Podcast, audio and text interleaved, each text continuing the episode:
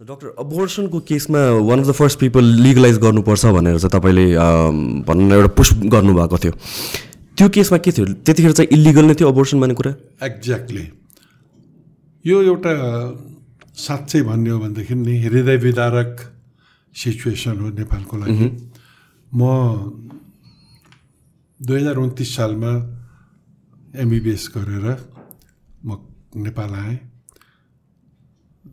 त्यो नेपाल आउँदाखेरि म ढाकामै I was like by everybody म रेडियो प्रोग्राम पनि त्यहाँ कन्ट्रोल गर्थेँ। आई वाज प्रोग्राम अर्गनाइजर पहिले रेडियो पाकिस्तान र पछि रेडियो बङ्गलादेश अनि त्यसको म न्युज रिडर थिएँ। अनि त्यसरी त्यहाँ विभिन्न अनि रिसर्च वर्कहरूमा म इन्भल्भ थिएँ। मेरो प्रोफेसर टिए चौधरीको रिसर्च गर्न जाँदाखेरि ढाकाका विभिन्न बङ्गलादेशकै भनौँ न त्यतिखेर म त बङ्गलादेशले इन्डिपेन्डेन्स पाइसकेपछि फर्किएको। त्यतिखेर म बङ्गलादेशका विभिन्न भागमा मेमनसिंह कुमिल्ला होइन रङपुर राजशाहीहरू जाँदाखेरि त्यहाँको जुन यो एबोर्सनको स्थिति थियो अथवा मातृ मृत्यु दर। बच्चा प्रेग्नेन्ट आमा प्रेग्नेन्ट भएपछि बच्चा पाइसकेको पैँतालिस दिनसम्म कति आमा मर्छन् एक लाख जन्म हुँदाखेरिलाई हामीहरू मातृ मृत्यु भन्छौँ। त्यो दरमा चाहिँ बङ्गलादेशमा पनि एकदम हाई थियो। र त्यसको one of the main cause चाहिँ एबोर्सन रिलेटेड कज थियो। त्यो भनेको चाहिँ अनसेफ एबोर्सनहरू जुन किसिमले हुन्थे होइन त्यो एबोर्सनको कारणबाट मर्नेको सङ्ख्या चाहिँ सबभन्दा बेसी र दोस्रोमा मात्रै पिपिएच भनेको पोस्टमार्टम हिमोरेज बच्चा पाइसकेपछि ब्लिडिङ हुने। त्यस कारण यो दुईवटा फर्स्ट कजलाई चाहिँ मेरो सधैँ जहाँ पनि म रिसर्चमा जान्थेँ अथवा बिरामी हेर्न जान्थेँ त्यहाँ चाहिँ सधैँ म एकदम हतोत्साहित भएर म फर्किन्थेँ म। अनि जब नेपाल आएँ नेपाल आउँदा पनि म सबभन्दा पहिले म नेपाल सरकारकै जागिरमा थिएँ तर उताबाट आउँदा आउँदै मेरो जागिर हटिसकेको रहेछ। मलाई थाहै थिएन। कसरी हटिसकेको मलाई निकालिसकेको रहेछ। म चाहिँ पोस्ट ग्रेजुएट गर्नलाई जाँदाखेरि मैले जम्मा तिन साढे तिन वर्षमा पोस्ट ग्रेजुएट गरेर म नेपाल फर्किएको। त्यतिखेर चाहिँ म ढाकामा धेरै पपुलर भइसकिरहेको थिएँ। चाहे राजा महाराजाहरू जाँदाखेरि होस् अथवा प्रधानमन्त्रीहरू जाँदा स्वास्थ्य मन्त्रीहरू जाँदा पनि प्रत्येकसँग मेरो भेट हुन्थ्यो कुराकानी हुन्थ्यो। र मैले त्यहाँ नेपालको एज एन एम्बेसडरै जस्तो भएर मैले कसरी नेपालको नाम उच्च राखिरहेको थिएँ एभ्रिबडी न्यु इट तर म फर्केर आउँदाखेरि चाहिँ मैले नेपाल सरकारको यो जुन जागिर थियो त्यो जागिरको चाहिँ अपहेलना गरेँ अथवा त्यो जागिरको समयमा म फर्किनँ भनेर मेरो चाहिँ जागिर टर्मिनेट गरेका रहेछन्। मेरो लागि झन् राम्रो भयो। जब कि मान्छेहरू दस दस वर्ष पनि बाहिर गएर बस्छन् उनीहरूको जागिर टर्मिनेट हुँदैन थियो। मलाई चाहिँ झन् राम्रो ब्लेसिङ फर डिस्काइज भयो। अनि म चाहिँ टिचिङ हस्पिटल भनेको मतलब हाम्रो इन्स्टिच्युट अफ मेडिसिन मैले जोइन गरेँ। पढाउन पनि पाउने भनेर। अनि त्यसको बिल्डिङ बनिसकेको थिएन। म प्रसुति गृहमा काम गर्थेँ। मेटर्निटी हस्पिटलमा। होइन? अनि ती मैले फर्स्ट ब्याचदेखि नै एमबिबिएसको स्टुडेन्ट्सहरूलाई पनि पढाउने मौका पाएको। अनि त्यहाँ काम गर्दाखेरि त्यो गेटमा ल्याएर त्यो जुन अनसेफ एबोर्सनका महिलाहरूलाई त्यो गेटमा फ्याँकिदिन्थे। अनि उनीहरू मर्नु न बाँच्नु भएर त्यहाँ छटपट गर्दाखेरि जब मैले दुईवटापछि तिनवटा त्यस्तो महिलाहरू भेटेँ अनि मलाई झलझली ढाका याद आयो। अनि मैले राइजिङ नेपालमा पहिलो अन्तर्वार्ता दिएँ। कि नेपालमा चाहिँ एबोर्सन लिगलाइज हुनुपर्छ। त्यो चाहिँ के थियो भनेदेखि यो काठमाडौँका छिडीहरू पिँढीहरू अन एकदम अनसेफ ठाउँहरूमा धेरै विभिन्न मेथडबाट एबोर्सनहरू गराएर उनीहरूलाई कम्प्लिट गर्नको लागि अथवा मर्नु र बाँच्नु भएपछि ल्याएर गेटमा फ्याँक्दा रहेछन्। अनि हामीहरूले प्रस्तुति गृहको भित्र लगेर उनीहरूलाई जीवनदान दिनुपर्ने अथवा त्यो एबोर्सन हामीले कम्प्लिट गरिदिनु पर्ने त्यस्तो उनीहरू कसैको पनि फेरि कुनै पनि क्लु पनि नदिने हामीहरूलाई। अनि त्यस्तो देखिसकेपछि मैले राइजिङ नेपालमा अन्तर्वार्ता दिएँ कि नेपालमा चाहिँ यो अनसेफ एबोर्सन जबसम्म सेफ एबोर्सन लिगलाइज हुँदैन तबसम्म हामी यो मातृ मृत्यु दर बढ घटाउन कहिले पनि सक्दैनौँ। त्यसपछि मैले धेरै नै एडभोकेसी गरेँ धेरै नै यो राउन्ड टेबल कन्फरेन्सहरू भयो। त्यतिखेर त बिग बिगी नै थियो धेरै किनभनेदेखि एथनिक ग्रुपहरू पनि आएर किन तैँले यसरी बोलिस् भन्ने होइन नेपालमा त एबोर्सन लिगल छैन। तैँले कसरी एबोर्सन मैले यति गराएको छु भनेर भन्छस् भनेर इभन स्वर्गीय इन्द्र लोहनीजी हाम्रो नेपाल टेलिभिजनमा हुनुहुन्थ्यो उहाँले पनि हाम्रो इन्टरभ्यूहरू लिनुभयो। त्यसमा हाम्रो इन्दिरा राणा मगर र मेरो पनि राखेर बिबिसीले अन्तर्वार्ता पनि लियो। त्यसपछि जब मैले यसलाई धेरै नै अगाडि बढाएँ बढाएपछि हाम्रो सुनिल भण्डारीजी त्यतिखेर सभासद हुनुहुन्थ्यो। उहाँले यो कुरालाई सदनमा राख्नुभयो अनि सपना अहिले जो न्यायाधीश हुनुहुन्छ सर्वोच्चमा हो सपना मल्ल प्रधान उहाँले पनि सपोर्ट गर्नुभयो अनि हाम्रो लक्ष्मीराज पाठकले सपोर्ट गर्नुभयो अनि अरुणा उप्रेती साहेबले सपोर्ट गर्नुभयो। त्यसरी बिस्तारो बिस्तारो हाम्रो ग्रुप बन्दै गयो अनि हामीहरूले त्यो कुरालाई गऱ्यौँ। अन्तिममा आएर सुरु गरेको तेह्र वर्षपछि अनि त्यो लामो process। धेरै लामो प्रोसेस यो खासमा इलिगल हुनुको कारण एड्रेस नै नगरे हो कि यो म्याटरलाई कि एड्रेस गरेर पनि होइन इलिगल नै हुनुपर्छ भनेर राखेको थियो त्यतिखेर? मलाई एकदम दुःखका साथ भन्नुपर्छ कि नेपालको राजनीति हामीहरूले बुझ्दा रहेनछौँ होइन? के को लागि मान्छेले राजनीति गर्दो रहेछ? त्यो कुरो हामीहरू सोच्न सक्दा रहेनछौँ। हामीहरू सोझा मान्छे हामीहरू एकदमै सबैमाथि विश्वास गर्ने नेताहरू भएपछि त राम्रो नियम कानुनहरू ल्याउँछन् होइन जनताको लागि गर्छन् भन्ने जुन हाम्रो एउटा भ्रम थियो त्यो चाहिँ वास्तवमा रहेनछ। नेपालको राजनीति चाहिँ एउटा कम्पनी कुनै पनि बिजनेस कम्पनी जस्तो भएर खुल्दो रहेछ। र उनीहरूले त्यसबाट पैसा कमाउने त्यसबाट म्यानेजरहरू राख्ने सिइओ राख्ने अनि आफ्ना कार्यकर्ता बढाउने आफ्नो मार्केटिङ गर्ने त्यो चाहिँ रहेछ। त्यसले गर्दाखेरि कसैले पनि त्यो एबोर्सनको बारेमा अथवा भेटरन मोर्टालिटीलाई कसरी घटाउने भन्ने कसैले पनि कुनै बेलामा पनि सोचेनन्। नम्बर एक।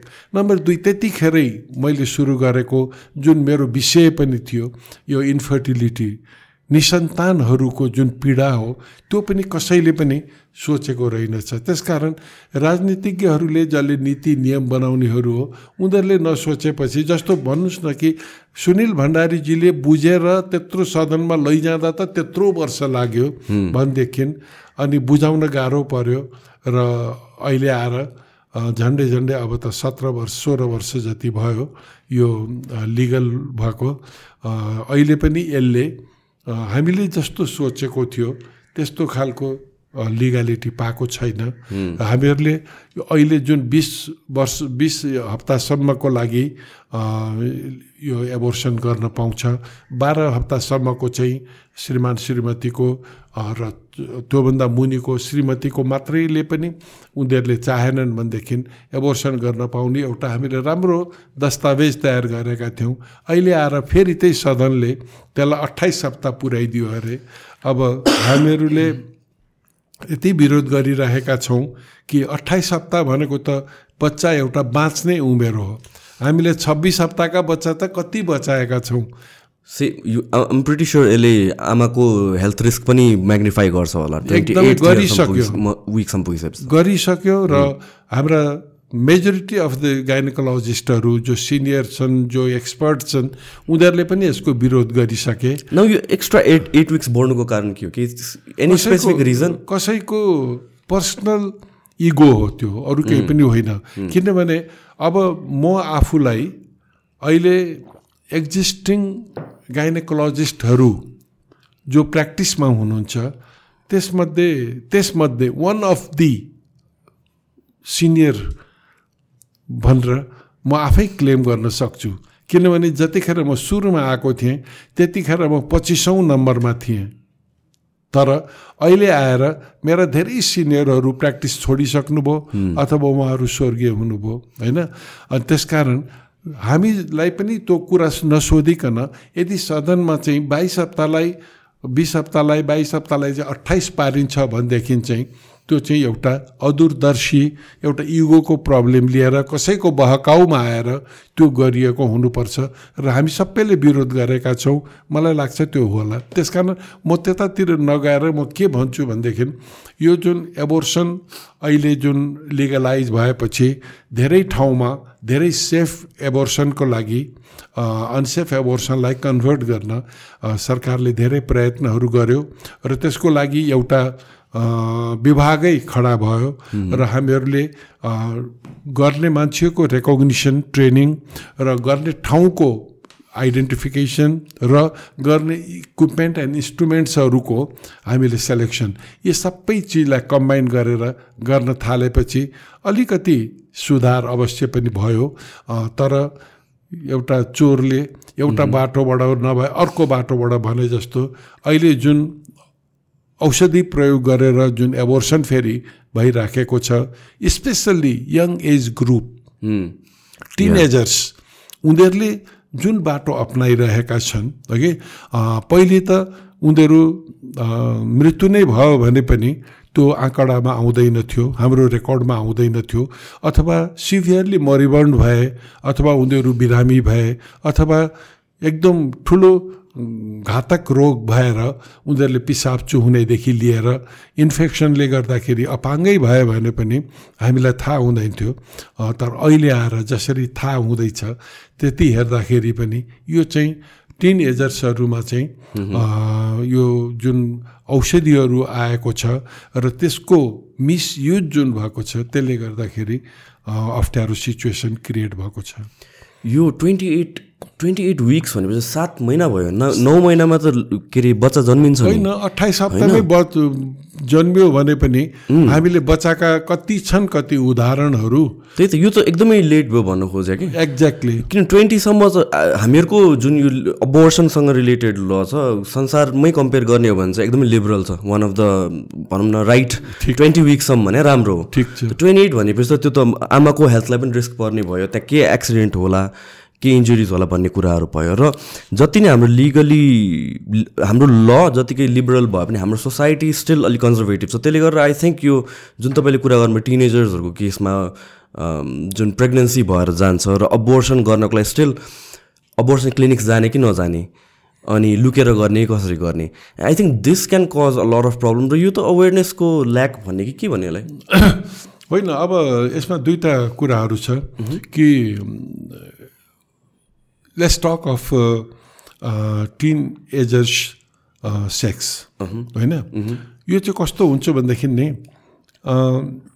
जब उनीहरू चाहिँ बाह्र वर्ष क्रस गर्छ होइन?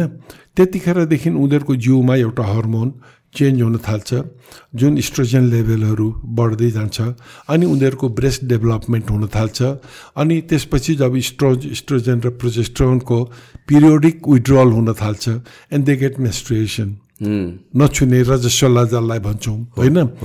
त्यसको पनि धेरै मिथ्सहरू छ पश्चिममा त म गएँ अघि त्यो जुन छाउपुडीको जुन कुराहरू छ बडा दर्दनाक छ।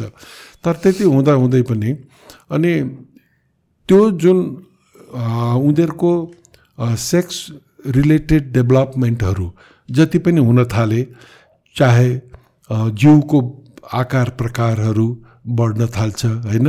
अनि ब्रेस्ट पनि डेभलप हुन थाल्छ अनि नछुने पनि हुन थाल्छ उनीहरूलाई एउटा कौतूहलता पनि हुन थाल्छ र उनीहरूलाई अलिकति परिपक्वता पनि आउन थाल्छ र केटाहरूप्रति केटी भए केटाहरूप्रति र केटा भए केटीहरूप्रतिको चाहना अथवा उनीहरूसँग बस्ने गफ गर्ने अनि हुनसक्छ इभन सेक्स रिलेसनकै राख्न खोज्ने ती कुराहरू चाहिँ यो जुन क्रमिक ऊ छ नि हाम्रो डेभलपमेन्टमा ती सब चिजहरूलाई हामीहरूले नकार्न सकिँदैन र त्यसैले हामीहरूले चाहिँ यो यौनका कुराहरू चाहिँ हामीले हाम्रो जुन पाठ्यक्रमहरू छ त्यसमा सुरुदेखि नै उनीहरूलाई हामीहरूले बताउनुपर्छ र कसरी यो हुँदै जान्छ र कसरी यसलाई यसबाट जोगिनको लागि हामीहरूले हाम्रा शिक्षाका कुराहरू दिएर उनीहरू यदि even if they have unprotected sex त्यसलाई कसरी उनीहरू जोगिने भन्ने कुराहरू चाहिँ उनीहरूलाई थाहा भयो भनेदेखि धेरै चिजबाट उनीहरू जोगिन्छन्। त्यसकारण अहिले हामीहरूले त्यतिखेर सपना मल्ल डाक्स ज्यूहरू हामीहरू बसेर दुई चारवटा हामीले सेमिनारै पनि गऱ्यौँ कि यसलाई कसरी इन्कर्पोरेट गर्ने भनेर। त्यतिखेर मान्छेहरू बोल्न पनि लजाउँथे। होइन टेलिभिजनमा केही त्यस्तो आयो भनेदेखि पनि बाबुआमाले हत्तरपत्त स्विच अफ गरिदिन्थे केटाकेटीहरूलाई। त्यसकारण त्यो जमानाबाट आज हामीहरू यो जमानामा आएका छौँ। हामीलाई भन्दा पनि बेसी ज्ञान हामीलाई भन्दा पनि बेसी इन्थुसियाजम र एउटा चाहना उनीहरूमा आएको हुनाले हामीहरूले उनीहरूलाई सही दिशातिर लाने हो भनेदेखि I think we should give them एकदम प्रपर एजुकेसन र I appreciate in this respect doctor Subodh Pokharel उहाँले पहिले पनि एउटा मेरै हातबाट एउटा विमोचन गराउनु भएको थियो किताब र he himself is a sexologist होइन? र अहिले पनि एउटा किताब यौनका कुरा भन्ने। एकदम क्वाइट ए युजफुल बुक उहाँले मलाई लाग्छ यो हप्ता दस दिनमा रिलिज गर्नुहुन्छ होला।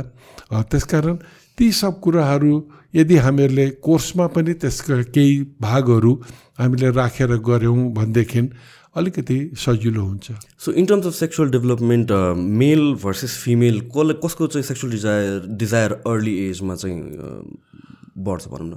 हो नि Maturity यो- कस्तो हुन्छ आउँछ? भनेदेखि जस्तो मेल ग्रुपहरूमा टेस्टेस्टोरोनको डेभलपमेन्ट र फिमेलहरूमा इस्ट्रोजन प्रोजेस्ट्रोनको जुन डेभलपमेन्ट हो होइन? त्यो चाहिँ झन्डै झन्डै एउटै हो तर अझ फिमेलमा थोरै अगाडि आएर जब उनीहरूको मेस्ट्रेसन हुन थाल्छ उनीहरूलाई त्यो क्युरिसिटी अर्कै किसिमको हुन थाल्छ। त्यो हुँदाखेरि अझ केटाहरू चाहिँ अलिकति वयस्क हुनुबाट कमै छ। केटाहरूको चाहिँ हामीले देख्दाखेरि चौधदेखि सोह्र वर्षदेखिमा यिनीहरू चाहिँ अलिकति मेच्युरिटी थोरै डेभलप गर्छन् सेक्सुअली एक्टिभ हुन सक्छन्। तर फिमेलहरूमा बाह्रदेखि चौध चाहिँ उनीहरूलाई चाहिँ त्यो त्यस्तो खालको यदि भयो भनेदेखि र अहिलेको स्पेसल्ली अहिलेको जुन हाम्रो एटमोस्फियर छ हाम्रोको जुन यो मोबाइलहरूबाट अथवा विभिन्न माध्यमहरूबाट मिडियाबाट जुन उनीहरूले लुकी लुकिकन हेर्न पाउँछन् पढ्न पाउँछन् होइन त्यो चाहिँ हाम्रो लागि एकदमै खतरनाक गलत चिजहरू। म त भन्छु थपै थाहा हुनुपर्छ। सबैलाई थाहा हुनुपर्छ के हो। किनभने यो चाहिँ हाम्रो पौराणिक कालदेखि नै कुनै चिज लुकेको छैन। हाम्रा त्यत्र गुरुहरूले पनि बादशाहनहरूदेखि लिएर उनीहरूले पनि कामसूत्रको चिजहरू एकदम क्लियरली सबैलाई बताएका छन् भनेदेखि हामीले त्यसलाई लुकाउनु पर्ने होइन। तर कुरो के हो भनेदेखि जति हामीहरू उनीहरूलाई लुकाएर राख्छौँ उनीहरूले लुकी लुकी नराम्रो किताबहरू पढ्यो। होइन जति हामीहरू उनीहरूबाट छिपाउन खोज्छौँ त्यति उनीहरू बाठा भएर नयाँ नयाँ चिजहरू खोज्छन्। त्यसकारण यसमा लुकाउने र छिपाउने कुरो छैन। एकताका एकजना साथीले खुब चलेको एउटा ऊ थियो मजाक। कि पहिले पहिले त्यस्तो केही चिजहरू आयो भनेदेखि केटाकेटीसँग बसेर टेलिभिजन हेर्दाखेरि बाबुआमाले होइन अनि दुई चार पैसा थपक्कसँग फ्याँकिदिइहाल्थ्यो अरे। अनि केटाकेटीहरू त्यो पैसा लिन जान्थे अरे। अनि त्यसले गर्दा त्यो सिन आउट हुन्थ्यो। अहिले आएर चाहिँ बाबुआमासँग बसेर केटकेटले हेर्दाखेरि केटाकेटीले डलर फ्याँकिदिन्छ अरे। बाबुआमाहरू डलर टिप्न जान्छ अरे। अनि त्यो सिन सिद्धिन्छ अरे। अहिलेको केटाकेटीहरू त्यो हाइटमा पुगिरहेछन्। त्यस कारण हामीले यो लुकाउने छिपाउने कुरो होइन। यसलाई कसरी सही चिज सही मूल्याङ्कन सही एजुकेसन दिएर हामीहरूले हाम्रो केटाकेटीलाई अगाडि बढाउने त्यो चाहिँ हाम्रो लागि एकदम राम्रो कुरो हो। म त भन्छु एकदम खुल्लम खुल्ला यो सब चिजहरू यौन शिक्षाका कुराहरू चाहिँ हामीले दिनुपर्छ। त्यही जे कुरालाई झन् दबाइयो त्यो झन् झन् नराम्रो वेमा चाहिँ भनौँ न लुकेर गर्नु जे पनि कुरा नराम्रो Exactly, जति ओपन भयो. त्यतिको जति एक्सेप्टेबल भयो सोसाइटी त्यतिको एउटा प्रपर वेमा एउटा सिभिलाइज वेमा अगाडि बढ्छ जस्तो लाग्छ। एउटा वान अफ द डिबेटेड कुरा के भएको थियो भने नेपालमा पर्न ब्यान गरिदिएको थियो कि? आई थिङ्क अहिले पनि ब्यान्ड नै छ के अरे पर्न मुभिजहरूदेखि लिएर किनभने रेपहरू बढ्यो बिकज अफ इट भनेर भन्छ। आई डोन्ट नो कुन रिसर्चले त्यो देखायो। तर खासमा त एउटा open society in terms of अब एजुकेसनल पर्पस भनौँ या भन्छ इन्टरटेनमेन्ट पर्पसकोले भनौँ अ, लुका लुकाउनु झन् नराम्रो हुन्छ जस्तो लाग्छ कि। अब पर्न नि- ब्यान गर्नु भने झन् नराम्रो हुन्छ जस्तो लाग्छ। होइन अब मेरो थोरै धारणा अलिकति म डिफ्रेन्स ल्याउँछु। हुन्छ। यसमा मलाई चाहिँ के लाग्छ भनेदेखि नि हामीहरू त्यो स्टेजभन्दा हामीहरू अझ वरै छौँ।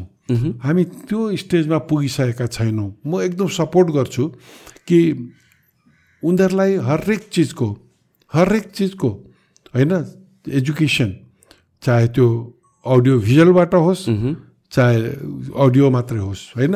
त्यो एजुकेसन चाहिँ उनीहरूलाई हुनुपर्छ। र यदि हामीहरूले त्यो जुन भिजुअल चिजहरू हामीले उनीहरूबाट लुकाइदियौँ भने उनीहरू झन् त्यसमा एकदमै एग्रेसिभ हुन्छन्। र अझ नराम्रोसँग उनीहरूले नचाहिने कुराहरू सिक्छन्। तर नेपालको लागि चाहिँ त्योभन्दा पहिलो स्टेजमा चाहिँ जुन हामीहरूले एडभोकेट गरेका थियौँ म त अझै पनि भन्छु हामीहरूले उनीहरूलाई प्रपर यौनका शिक्षाहरू यदि हामीहरूले उनीहरूलाई दियौँ उनीहरूले they take it very lightly होइन? किनभनेदेखि यो सब चिज त यस्तो रहेछ। यसरी गुप्ताङ्गहरू यसरी ब्रेस्टहरू यसरी जिउहरू यसरी कर्भेचरहरू होइन? हरेक चिज हेराइ भनौँ अथवा कुनै पनि चिज यसरी बढ्दै जान्छ। यसरी यो चिज ऊ हुँदै जान्छ। आकर्षकको एउटा नमुना भएर जान्छ। मैले यसो गरेँ भने यसो हुन्छ भन्ने यस्ता कुराहरू। वाइ देयर इज मोर अहिले हामीहरू बलात्कारका कुराहरू दुनियाँभरका कुराहरू हामीहरू सुनिरहेका छौँ। त्यो हुनुको कारण के हो भनेदेखि they don't know about the sex they don't know हामीले यौनका जुन शिक्षाहरू दिनुपर्ने थियो त्यो नदिएको हुनाले उनीहरू चाहिँ त्यसको पीडित भएको छ। किन? यही चिज पनि त हाम्रो वेस्टर्न कन्ट्रिजहरूमा अथवा हाम्रा अरू देशहरूमा भइरहेका छन् तर हामीहरू चाहिँ त्यसबाट पीडित भइरहेछौँ। उनीहरू त्यसलाई काउन्टै गरेको छैन। होइन? There is reason that they know उनीहरूलाई राम्रोसँग थाहा छ कि यो के हो। होइन? कसरी हाम्रो रिप्रोडक्टिभ अर्गन्सहरू चाहिँ विकसित हुँदै जान्छ। कसरी त्यसलाई हामीहरूले आफ्नो कन्ट्रोलमा हामीले राख्नुपर्छ? के गर्यो भनेदेखि चाहिँ होइन वी किप आवर चेस्टिटी भनौँ अथवा भर्जिनिटी भनौँ अथवा के? कसरी? यदि त्यो हुन सक्दैन भनेदेखि कसरी चाहिँ हामीहरू प्रेग्नेन्सी हुनबाट हामीहरू बच्न सक्छौँ? यी सब कुराहरू चाहिँ हामीहरूले उनीहरूलाई यौन शिक्षाका कुराहरूबाट ती माध्यमहरूबाट दिएको भएदेखि अनि त्यसपछि उनीहरूले राम्रो नराम्रो यो ऊ भनेर छुट्याउन सक्छन्। अब एकैपल्ट आएर हामीले त्यो शिक्षा चाहिँ नदिकन हामीहरूले एकैपल्ट उनीहरूलाई त्यो चिजमा लैजाँदाखेरि अलिकति उनीहरू चाहिँ एक्स्ट्रा भर्ट भएको हो कि जस्तो झन् आउट अफ क्युरियोसिटी एक्ट गर्छ भन्नु। Exactly.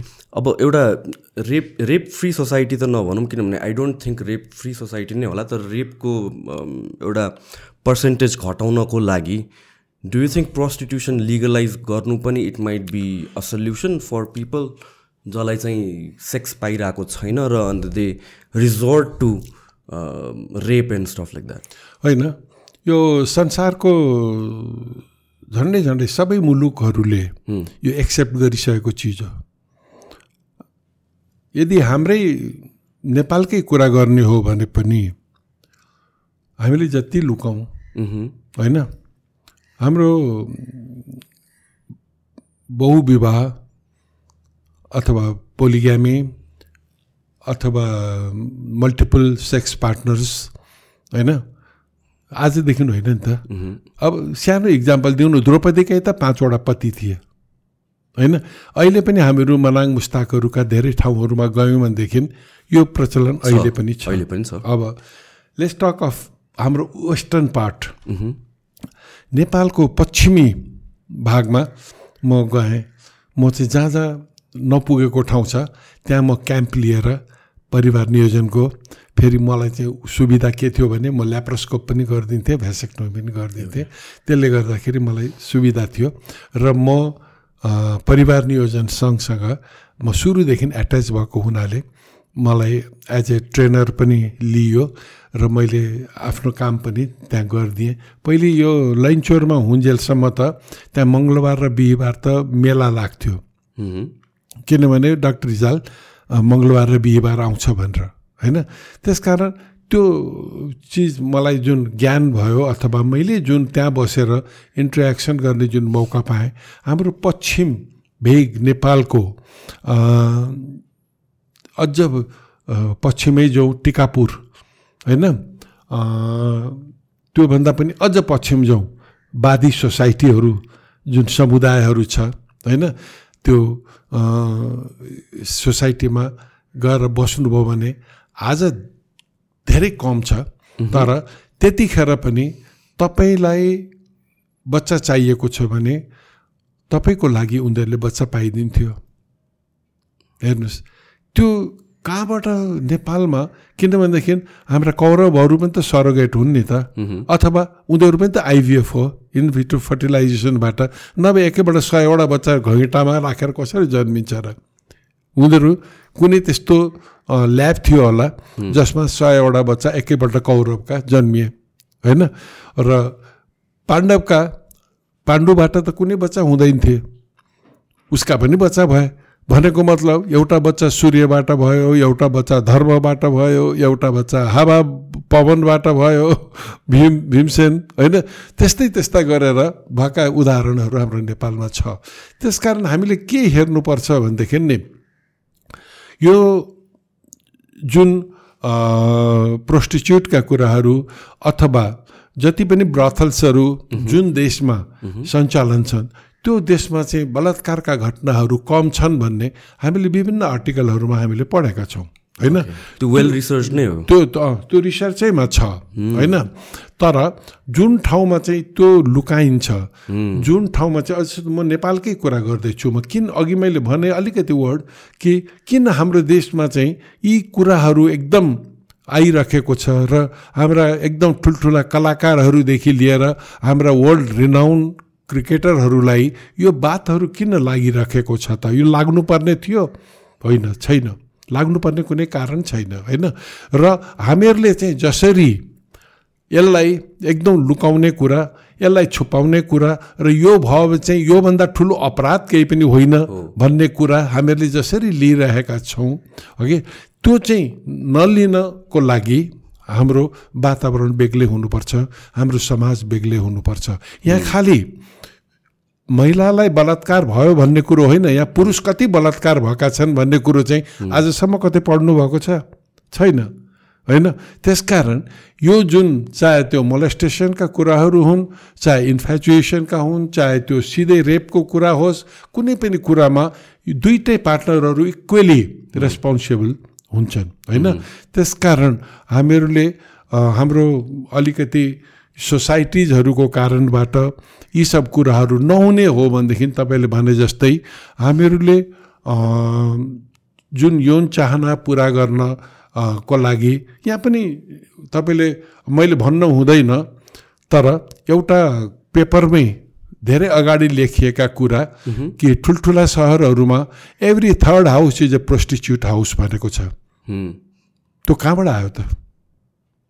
चाहे त्यो प्रोस्टिट्युसन गरेर हुन् स्कुल गोइङ केटीहरू होइन जुन ड्रेसमा जति पनि रेस्टुरेन्टहरू र होटलहरूमा गएर जुन पैसा कमाइराखेका छन् होइन त्यो रोक्ने हाम्रो कर्तव्य होइन र त्यसकारण त्यो ग्रुपले त्यस्तो नगरोस् भन्नको लागि हामीले एउटा बेग्लै व्यवस्था गरेर लिगलाइज गरेर गरिदियो भनेदेखि सायद यति ठुलो हामीमाथि अब्जस अबगाल कि खालि अरू केही कुरा आउँदैन कि त राजनीतिको कुरा आउँछ कि त बलात्कारका कुराहरू आउँछन् कि हाम्रो अरू कुनै पनि काम छैन देश विकासको लागि हामीले केही पनि गर्नुपर्ने छैन यही कुरामा मात्रै अल्मलिएर बस्नुपर्छ।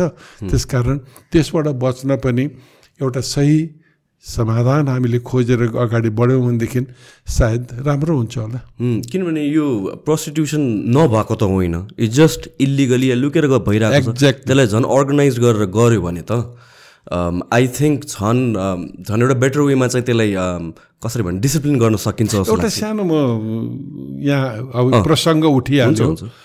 अ, यो धेरै वर्ष अगाडिको पनि कुरा होइन। होइन a, doctor Renu Raj Bhandari. Doctor coffee. अँ, डाक्टर रेणु राज भण्डारी अनि डाक्टर अरुणा उप्रेती र सम अदर उनीहरूले चाहिँ यो सिन्धुपाल्चोक एरियामा यति काम गर्यो नि र फेरि म सबैसँग अलिकति क्लोज भएको हुनाले चाहे त्यो सेनिटरी प्याडका कुराहरू हुन् चाहे यौनका कुराहरू हुन् होइन? चाहे त्यो ठाउँका विसङ्गतिका कुराहरू हुन् मसँग धेरै इन्ट्रेक्सन हुन्थ्यो होइन? त्यसमध्येको मलाई सबभन्दा पिर परेको अथवा मलाई दुःख लागेको कुरा चाहिँ के थियो भनेदेखि यस्ता यस्ता एरिया छन् नेपालमा कि त्यो ठाउँमा बच्ची अथवा छोरी जन्मियो भने चाहिँ खसी काट्छन्। नेपालमा छ अहिले पनि? छ। ओके। किनभनेदेखि त्यो उनीहरू चाहिँ कमाउ भए। उनीहरू बिक्छन् अब। हेर्नुहोस्। त्यो सुन्दाखेरि त नि म त आँसु पनि मैले रोक्न सकिनँ वास्तवमा। त कि यस्तो ठाउँहरू पनि छ जहाँका बाउआमाहरूले आफ्नो छोरी चाहिँ प्रस्टिच्युट बनाउनको लागि बेचेर पैसा कमाउनको लागि आफ्नो फुसको सान छानोलाई चाहिँ टिनको छानोमा बदल्नको लागि आफ्नो जीवन स्तर बढाउनको लागि चाहिँ त्यो छोरी बेच्ने बाउआमा कस्ता होलान्? हेर्नुहोस्। त्यसकारण उहाँहरूले नि मलाई अर्को केही इन्फर्मेसन दिनुभयो भनेदेखि त्यो एरियाबाट इन्डियाका धेरै ठाउँहरूमा चाहे वेस्ट बेङ्गालमा जाउन् चाहे मध्य प्रदेशमा जाउन् अघि चाहे महाराष्ट्रमा जाउन् यो तिन चारवटा ठाउँ एकदमै कमन जहाँ लगेर बिक्छ। र उनीहरूले त्यहाँ किनिसकेपछि फेरि उनीहरूलाई उनीहरूले मिडल इस्टमा बेच्ने चलन छ। हेर्नुहोस् त्यसकारण यति बिक्यो यति बिक्यो अरे कि अब अहिले त्यो एरिया बन्जर जस्तै छ। होइन? त्यसकारण मेरो भनाइ के भनेदेखि यो जुन हाम्रो एरियाहरूमा जसरी यो अ, छोरीलाई चाहिँ प्रोस्टिच्युट बनाउनको लागि चाहे त्यो मिडल इस्टमा अहिले हेर्नुहोस् जति पनि त्यहाँ मिडल इस्टमा अस्ति भर्खर दुर्गा प्रसाईजीले दिएको अन्तर्वार्ता सुन्दा पनि म त छक्क परेँ कि नेपालमा बसेर नर्स चाहिँ पढ्न नपाउने नर्सका पुरा प्रोग्रामहरू चाहिँ बन्द गरिदिने तर नेपालबाट लगेर मिडल इस्टमा चाहिँ डान्स बारमा र उता लगेर उनीहरूलाई चाहिँ प्रोस्टिच्युटमा संलग्न गराउने अथवा पैसा कमाउनको लागि उनीहरूलाई डान्सर बनाउन चाहिँ हामीहरूले सप्लाई गरिराखेका छौँ। उनीहरूलाई यदि एउटा नर्स बनाएर पठायौँ भनेदेखि अहिले उनीहरूले कमाएको एक लाख डेढ लाख रुपियाँ चार लाखमा बदलिन्छ। त्यो चाहिँ हामीले गर्न नच न नहुने अरे। त्यसकारण उहाँको मेडिकल कलेजले जुन रेकग्निसन पाएन अथवा उहाँले पढाउँछु भन्दा पनि पढाउनु जुन पाउनु भएन त्यसको दुःख मनाउ गर्दै हुन्थ्यो। त्यस कारण मैले यहाँ कुरो किन यो कुरो सान्दर्भिक ठाने भनेदेखि हामीहरूले हाम्रा एरियाका एरियाहरू छन् जहाँ जानुभयो भनेदेखि तपाईँले कुनै पनि मेल मेम्बर युवालाई भेट्नुहुन्न। किनभने उनीहरू सबै त्यो एरियाबाट विदेशिसकेका छन् होइन? मलामी जानको लागि मान्छे भेट्नुहुन्न। होइन त्यसकारण त्यस्तो त्यस्तो एरियामा यदि हामीहरूले उनीहरूको घर फर्किएर बिहे पनि भइहाल्यो भनेदेखि बच्चा हुने चान्स छैन त्यस कारण मैले जे अहिले म तडपिरहेको छु अथवा मैले जे भोगिरहेको छु कि ती उमेरका युवाहरू जो आज साठी सत्तरी लाख युवाहरू देश छोडेर जुन बाहिर गएर पचासदेखि पचपन्न डिग्रीको तातोमा उनीहरूले जुन काम गरेका छन् उनीहरू त सबै इन्फर्टाइल भएर फर्किन्छन्। उनीहरूबाट बच्चा हुने चान्स त धेरै कम छ। हेर्नुहोस् त्यस कारण उनीहरूले बिहे गरेर गएका छन् भने पनि ती महिलाहरू जो बिहे गरेको सात दिन दस दिन महिना दिनमा गएका छन् तिनीहरूले कसरी आफ्नो यौनका कुराहरू अरूसँग गर्ने कसरी आफ्नो यौन इच्छाहरू पुरा गर्ने के हामीले त्यही एक्सपेक्ट गरेको हो त कि उनीहरू जिन्दगीभर कसैसँग पनि यौन सम्पर्क नगरिकन बाँचुन् अथवा उनीहरू बौला जस्तै हुन् भनेर हो त होइन नि। त्यस कारण हामीले सोच्नुपर्ने कुरो के छ भनेदेखि यदि हामीहरूले साँच्चै नै सबैको हामीहरूले अलिकति सरकारले भनौँ न हामीले हेरेर त बोलेर त कसले सुन्छ र तर यदि सरकारले त्यो ग्रुपलाई अथवा त्यो टिनेजर्स भनौँ अथवा त्यो एडल्टहरूलाई चाहिँ हामीले ट्याकल गर्ने हो भनेदेखि चाहिँ नेपालको यो जुन अहिले अप्ठ्यारो स्थिति आइराखेको छ। अथवा चाहे यौनका कुराहरू भनौँ चाहे पैसाका कुरा आर्थिकका कुरा गरौँ चाहे सामाजिक परिवेशका कुरा गरौँ कतिलाई घरबाट कुटेर बाहिर लखेटेका छन् होइन? त्यसकारण यदि हामीहरूले पैसै कमाउनको लागि देशले चाहिँ हाम्रो छोरीहरूलाई बेच्ने हो अथवा छोराहरूलाई चाहिँ विदेश पठाएर महिनाको पचास साठी हजार रुपियाँ कमाउन त्यो तातो हावामा यदि पठाउने हो भनेदेखि सायद मलाई त के लाग्छ भनेदेखि यो सरकारले कुनै पनि कसै कसैको पनि होस् जो रेस्पोन्सिबल पोस्टमा बसेका छन् उनीहरूले त्यो बस्न पाउने अधिकार छैन। इन टर्म्स अफ अबोर्सन अबोर्सनको कुरा गर्दाखेरि जुन इलिगल अबोर्सनहरू अहिले पनि हुन्छ होला। अहिले पनि भइरहेको छ। So what makes it dangerous के के प्रोसेस युज गर्छ लाइक मेडिकेसन हो कि इलिगली सो होइन सबभन्दा अप्ठ्यारो त के हो भने म धेरै अगाडि झन्डै छ सात वर्ष जति भयो होला म ठुलो क्याम्प लिएर चालिसजनाको टिम लिएर म मुगुमा गएँ एकदम रिमोट एरिया त्यो पनि गम्थामा गमगढी पनि होइन होइन त्यहाँ खड्गबहादुर साईजीको अगुवाईमा मेरो लिडरसिपमा हामीहरू गइरहेथ्यौँ। त्यो क्याम्पमा लन्डनबाट डाक्टर कपिलको टिम पनि आएको थियो। हामीहरू सबैजना धेरै सु डाक्टर सुनिलदेखि लिएर धेरैजना हामीहरू त्यसरी गर्दाखेरि मैले एउटा कुरो त्यहाँनिर चाहिँ के देखेँ भनेदेखि उनीहरूको सबभन्दा ठुलो कमी कमजोरी भनेको जनचेतना। उनीहरूलाई सानो सानो कुराहरू पनि थाहा छैन।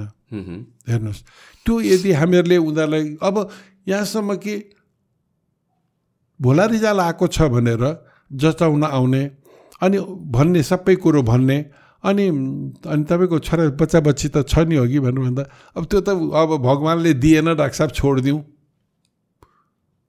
सन्तान नहुनु चाहिँ भगवान्को श्राप हो भन्ने पपुलेसन। हाम्रो नेपालमा अब अहिले त यो बिस वर्ष तिस वर्षदेखि जुन हामीहरूले प्रयास गर्दैछौँ त्यसले अब धेरै कम भयो होइन? हजारौँमा नभनौँ लाखमै उनीहरू सन्तानको सुख उनीहरूले पाइसक्यो। त्यो हाम्रो सबैको प्रयासबाट भएको छ त्यो बेग्लै कुरा भयो। होइन भनेदेखि चाहिँ सानो सानो कुराको अनभिज्ञताले गर्दाखेरि उनीहरूले यो दुःख अझै पनि भोगिरहेका छन्। त्यसकारण हामीहरूले के हेर्नुपर्छ भनेदेखि यो एबोर्सनको जुन मामला छ त्यसमा पनि यदि हामीहरूले उनीहरूलाई अलिकति पनि थोरै ज्ञान गुणका कुराहरू दिएर यो भयो भने यस्तो हुन्छ। अब भन्नुहोस् न कि योनिमा अथवा पाठेघरभित्र खोर्सानी हालेर अथवा कुनै एउटा काँटीभित्र हालेर एबोर्सन गराउने प्रथा जुन अहिले पनि हाम्रो नेपालमा चलिरहेको छ त्यसलाई के भन्ने? त्यो मिस्टेक हो कि अनभिज्ञता हो कि के हो त्यो? यदि त्यो मान्छेहरूलाई थाहा भयो कि जो भए पनि बिहे भएको भए पनि नभएको भए पनि यौन सम्पर्क भएपछि प्रेग्नेन्सी हुनसक्छ एउटा कुरो त्यो थाहा हुनु पऱ्यो र दोस्रो यदि प्रेग्नेन्सी भयो भने पनि हामीले चाहिँ we get safe abortion service सरकारले यसलाई लिगल गरेको छ। भन्ने ज्ञान त हुनु पऱ्यो नि। उनीहरूलाई थाहा त हुनु पऱ्यो नि। त्यो थाहा भयो भनेदेखि अनि उनीहरू सुरक्षित गरपतन सेवाको लागि विभिन्न ठाउँमा जान सक्छन्। तर यहाँ छैन त्यो। त्यसकारण अझै पनि त्यो ग्रुप जसले त्यसको माध्यमबाट पैसा कमाइरहेका छन् म एउटा बताइदिन्छु एउटा सानो कुरो। यो सेक्स सेलेक्टिभ एबोर्सन बच्चा छोरा हो कि छोरी हो भनेर जुन एबोर्सनहरू भइराखेको छ होइन? त्यसले गर्दा नेपालको जुन हाम्रो इकोलोजी अथवा हाम्रो जुन पुरै भयावह स्थितिमा हामीहरू पुग्ने जुन अवस्थामा छौँ त्यसले गर्दाखेरि भोलि हामी कहाँ पुग्छौँ थाहा छैन। इलिगल होइन खासमा। एकदम हन्ड्रेड पर्सेन्ट अपराध हो। अपराध। हो होइन? त्यस कारण त्यो सेक्स सेलेक्टिभ जुन एबोर्सन भइरहेको छ होइन? त्यो अल्ट्रासाउन्डबाट पहिले डेटर्मिनेसन हुन्छ अनि उनीहरूले त्यो सेक्स सेलेक्टिभ एबोर्सन गरिरहेका छन् होइन? त्यसकारण यस्तो यस्तो आपराधिक गतिविधिलाई पनि सरकारले चाह्यो भने रोक्न सक्दैन।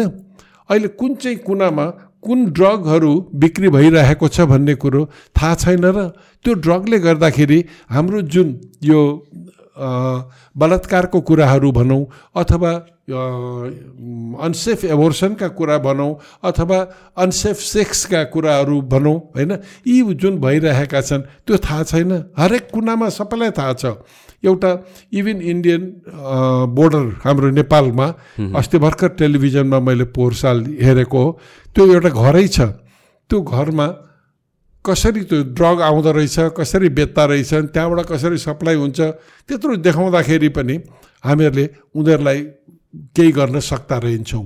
त्यसकारण हामीले के हेर्नु पर्यो भनेदेखि कसरी हुन्छ हामीले जनचेतनाको माध्यमबाट ती किशोर किशोरीहरूलाई चाहिँ यो कुराको यो लतको जुन एबोर्सनका कुराहरू छन् यसलाई कसरी हामीहरूले आत्मसात गर्ने यसलाई हुन कसरी नदिने र फेरि जुन बजारमा अहिले सानो सानो औषधिहरू जुन हामीले अरू नै पर्पसको लागि ल्याएको थियो तर हेर्नुभयो भनेदेखि यी सबै फार्मेसीहरूमा चाहिँ त्यो औषधिहरू दसौँ गुणा सयौँ गुणा बेसी दाममा त्यो किशोर किशोरीहरूले किनिराखेका हुन्छन् होइन? त्यस्तो इलिगल चिजहरू उनीहरूले किनेर चाहिँ त्यो एबोर्सनको लागि खान्छन् यदि उनीहरूलाई राम्रो हामीहरूले एजुकेसन दियौँ कि यो गर्नु पर्दैन you go to doctors first होइन तिमीहरू चाहिँ अथराइज हो तिमीहरूले जब यु हेभ अनसेफ सेक्स तिमीहरूले गरेको छ भनेदेखि तिमीहरूले यदि प्रेग्नेन्सी छ भनेदेखि दे विल एडभाइस यु यहाँ त के भयो भने एक्टोपिक प्रेग्नेन्सी हुन्छ अनि उनीहरूलाई थाहा हुँदैन अनि उनीहरूले औषधि खाएर त्यो रप्चर भएर मृत्यु भइरहेको हुन्छ होइन? त्यसकारण यी सब कुराहरूलाई चाहिँ हामीले राम्रोसँग यदि एजुकेसनको मार्फतबाट यी टिनेजर्सहरूलाई दिने हो भनेदेखि म त रिक्वेस्ट गर्छु कि एकदमै यो चाहिँ पुण्यको काम हो र सरकारले यी कुराहरूलाई चाहिँ कोर्स बुकहरूमा पनि राखिदिएर होइन? डाक्टर सुबोध जस्ता मान्छेहरू अर्को पनि एकजना डक्टर हुनुहुन्छ धेरै राम्रो यो उनका उस- विश विशेषज्ञ हुनुहुन्छ मैले नाम बिर्सेँ मेरै विद्यार्थी हुन्। त्यस कारण उनीहरूले जसरी अहिले गरिरहेका छन् उनीहरूलाई समेत हामीहरूले एकाउन्टमा लिएर यदि यो चाहिँ एजुकेसन हामीले दिन सक्यौँ भनेदेखि यो सब घट्छ। यो जुन टिनेजरको केसमा अनवान्टेड प्रेग्नेन्सीको अघि कुरा गऱ्यो हामीले त्यसलाई कसरी अभोइड गर्न सकिन्छ? मैले भने they should know what they are doing they should know their reproductive अर्गन्सको बारेमा सबै। उनीहरूलाई थाहा हुनु पर्यो कि if they have unsafe sex होइन? They can use male contraception होइन? They can use other method not to get pregnant if they have यदि उनीहरू सधैँ उनीहरू सेक्स रिलेटेड कर्ममा फँसेका छन् भनेदेखि होइन? हाम्रो क्लिनिकमा कतिजना आउँछन् हामी राम्रोसँग सम्झाएर बुझाएर उनीहरूलाई पठाउँछौँ होइन? र कति कुरा गर्न लजाउँछन्। जब हामीहरू उनीहरूसँग खुलेर कुरा गर्छौँ दे बिकम सो ह्याप्पी होइन? उनीहरूलाई कहिले पनि सोचेको हुँदैन कि मैले यसरी कुरा गर्दाखेरि मैले के आन्सर पाउँला केही होला कि भन्ने। तर हामीहरू नै उनीहरूलाई अझ ऊ गर्छौँ कि no this is not your mistake होइन? यसरी तिमीहरूले अब यदि हो भनेदेखि तिमीहरूले या त यसो गर्नुपर्छ या त रेगुलर तिमीहरूले औषधि खानुपर्छ होइन? यो भयो भनेदेखि चाहिँ you will have no problem होइन? जब हामीहरू सेक्स एभोइड गर्न सक्दैनौँ भनेदेखि प्रेग्नेन्सी त एभोइड गर्न सक्छौँ नि होइन? त्यस कारण हामीहरूले चाहिँ उनीहरूलाई एजुकेसन मार्फतै हो यो सब चिज दिने त्यो दियौँ भनेदेखि कसैलाई पनि अप्ठ्यारो पर्दैन। जुन यो इमर्जेन्सी कन्ट्रासेप्टिभहरू हुन्छ नि सेभेन्टी टू आवर्ससम्म खान मिल्ने छ। हुन्छ नि होइन? तिनीहरू कतिको सेफ हुन्छ र कतिको एफिसियन्ट हुन्छ? होइन एभ्रिथिङ इज सेफ र सबै टेस्टेड हो। तर कुरो के हो भनेदेखि तिनीहरू एफिसियन्ट पनि हो होइन? तर कुरो के हो भनेदेखि उनीहरूले थाहा पाउनु पर्यो कि कति कुन कतिखेर खाने होइन? र के भयो भने त्यो चिज खाने होइन? भन्ने कुरो उनीहरूलाई त्यो खानु पर्यो। र दोस्रो कुरो चाहिँ के हो भनेदेखि एकातिर यो इमर्जेन्सी आइपिल्सहरू भयो कन्ट्रासेप्टिभ पिल्सहरू भयो होइन? अर्कोतिर चाहिँ हाम्रो मिजोपिस्ट्रलहरू भयो अरू औषधिहरू भयो जुन कि प्रेग्नेन्सी भइसकेको छ भने पनि त्यसलाई एबोर्सन गर्नुपर्ने। तर कमसेकम तपाईँलाई थाहा हुनु पर्यो कि प्रेग्नेन्सी छ भने पनि त्यो चाहिँ पाठ्यघरमा छ भन्ने थाहा हुनु पर्यो। होइन?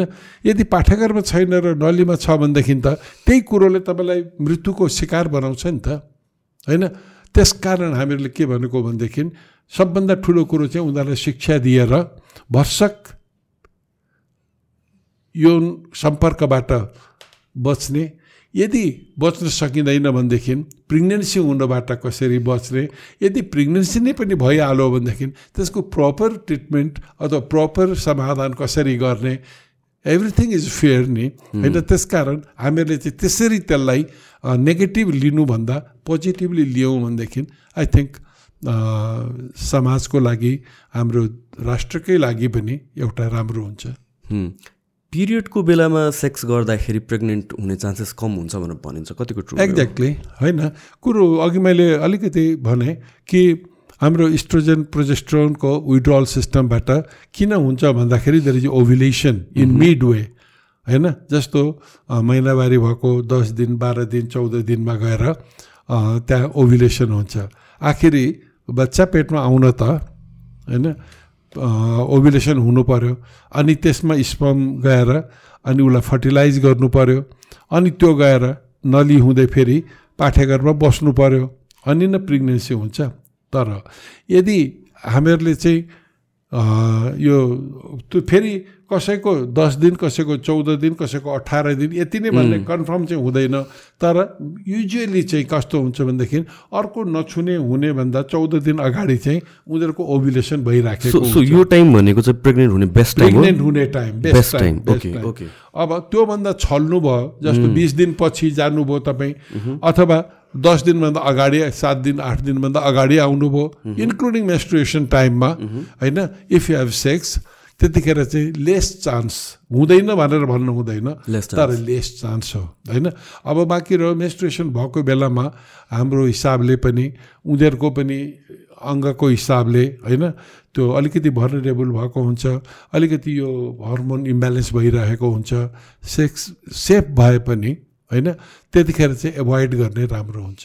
सेक्स गर्नु राम्रो होइन पिरियड भएर बेला। न मतलब नराम्रो भनेर भयो भने पनि त्यस्तो आपतजनक होइन तर इट्स बेटर टु सकेसम्म avoid. एभोइड। एक्ज्याक्टली अनि सम फिमेल्सहरूलाई यो पिरियड एकदमै पेनफुल हुने हेभी ब्लिडिङ हुने त्यो त्यो रिजन चाहिँ के हो? हो।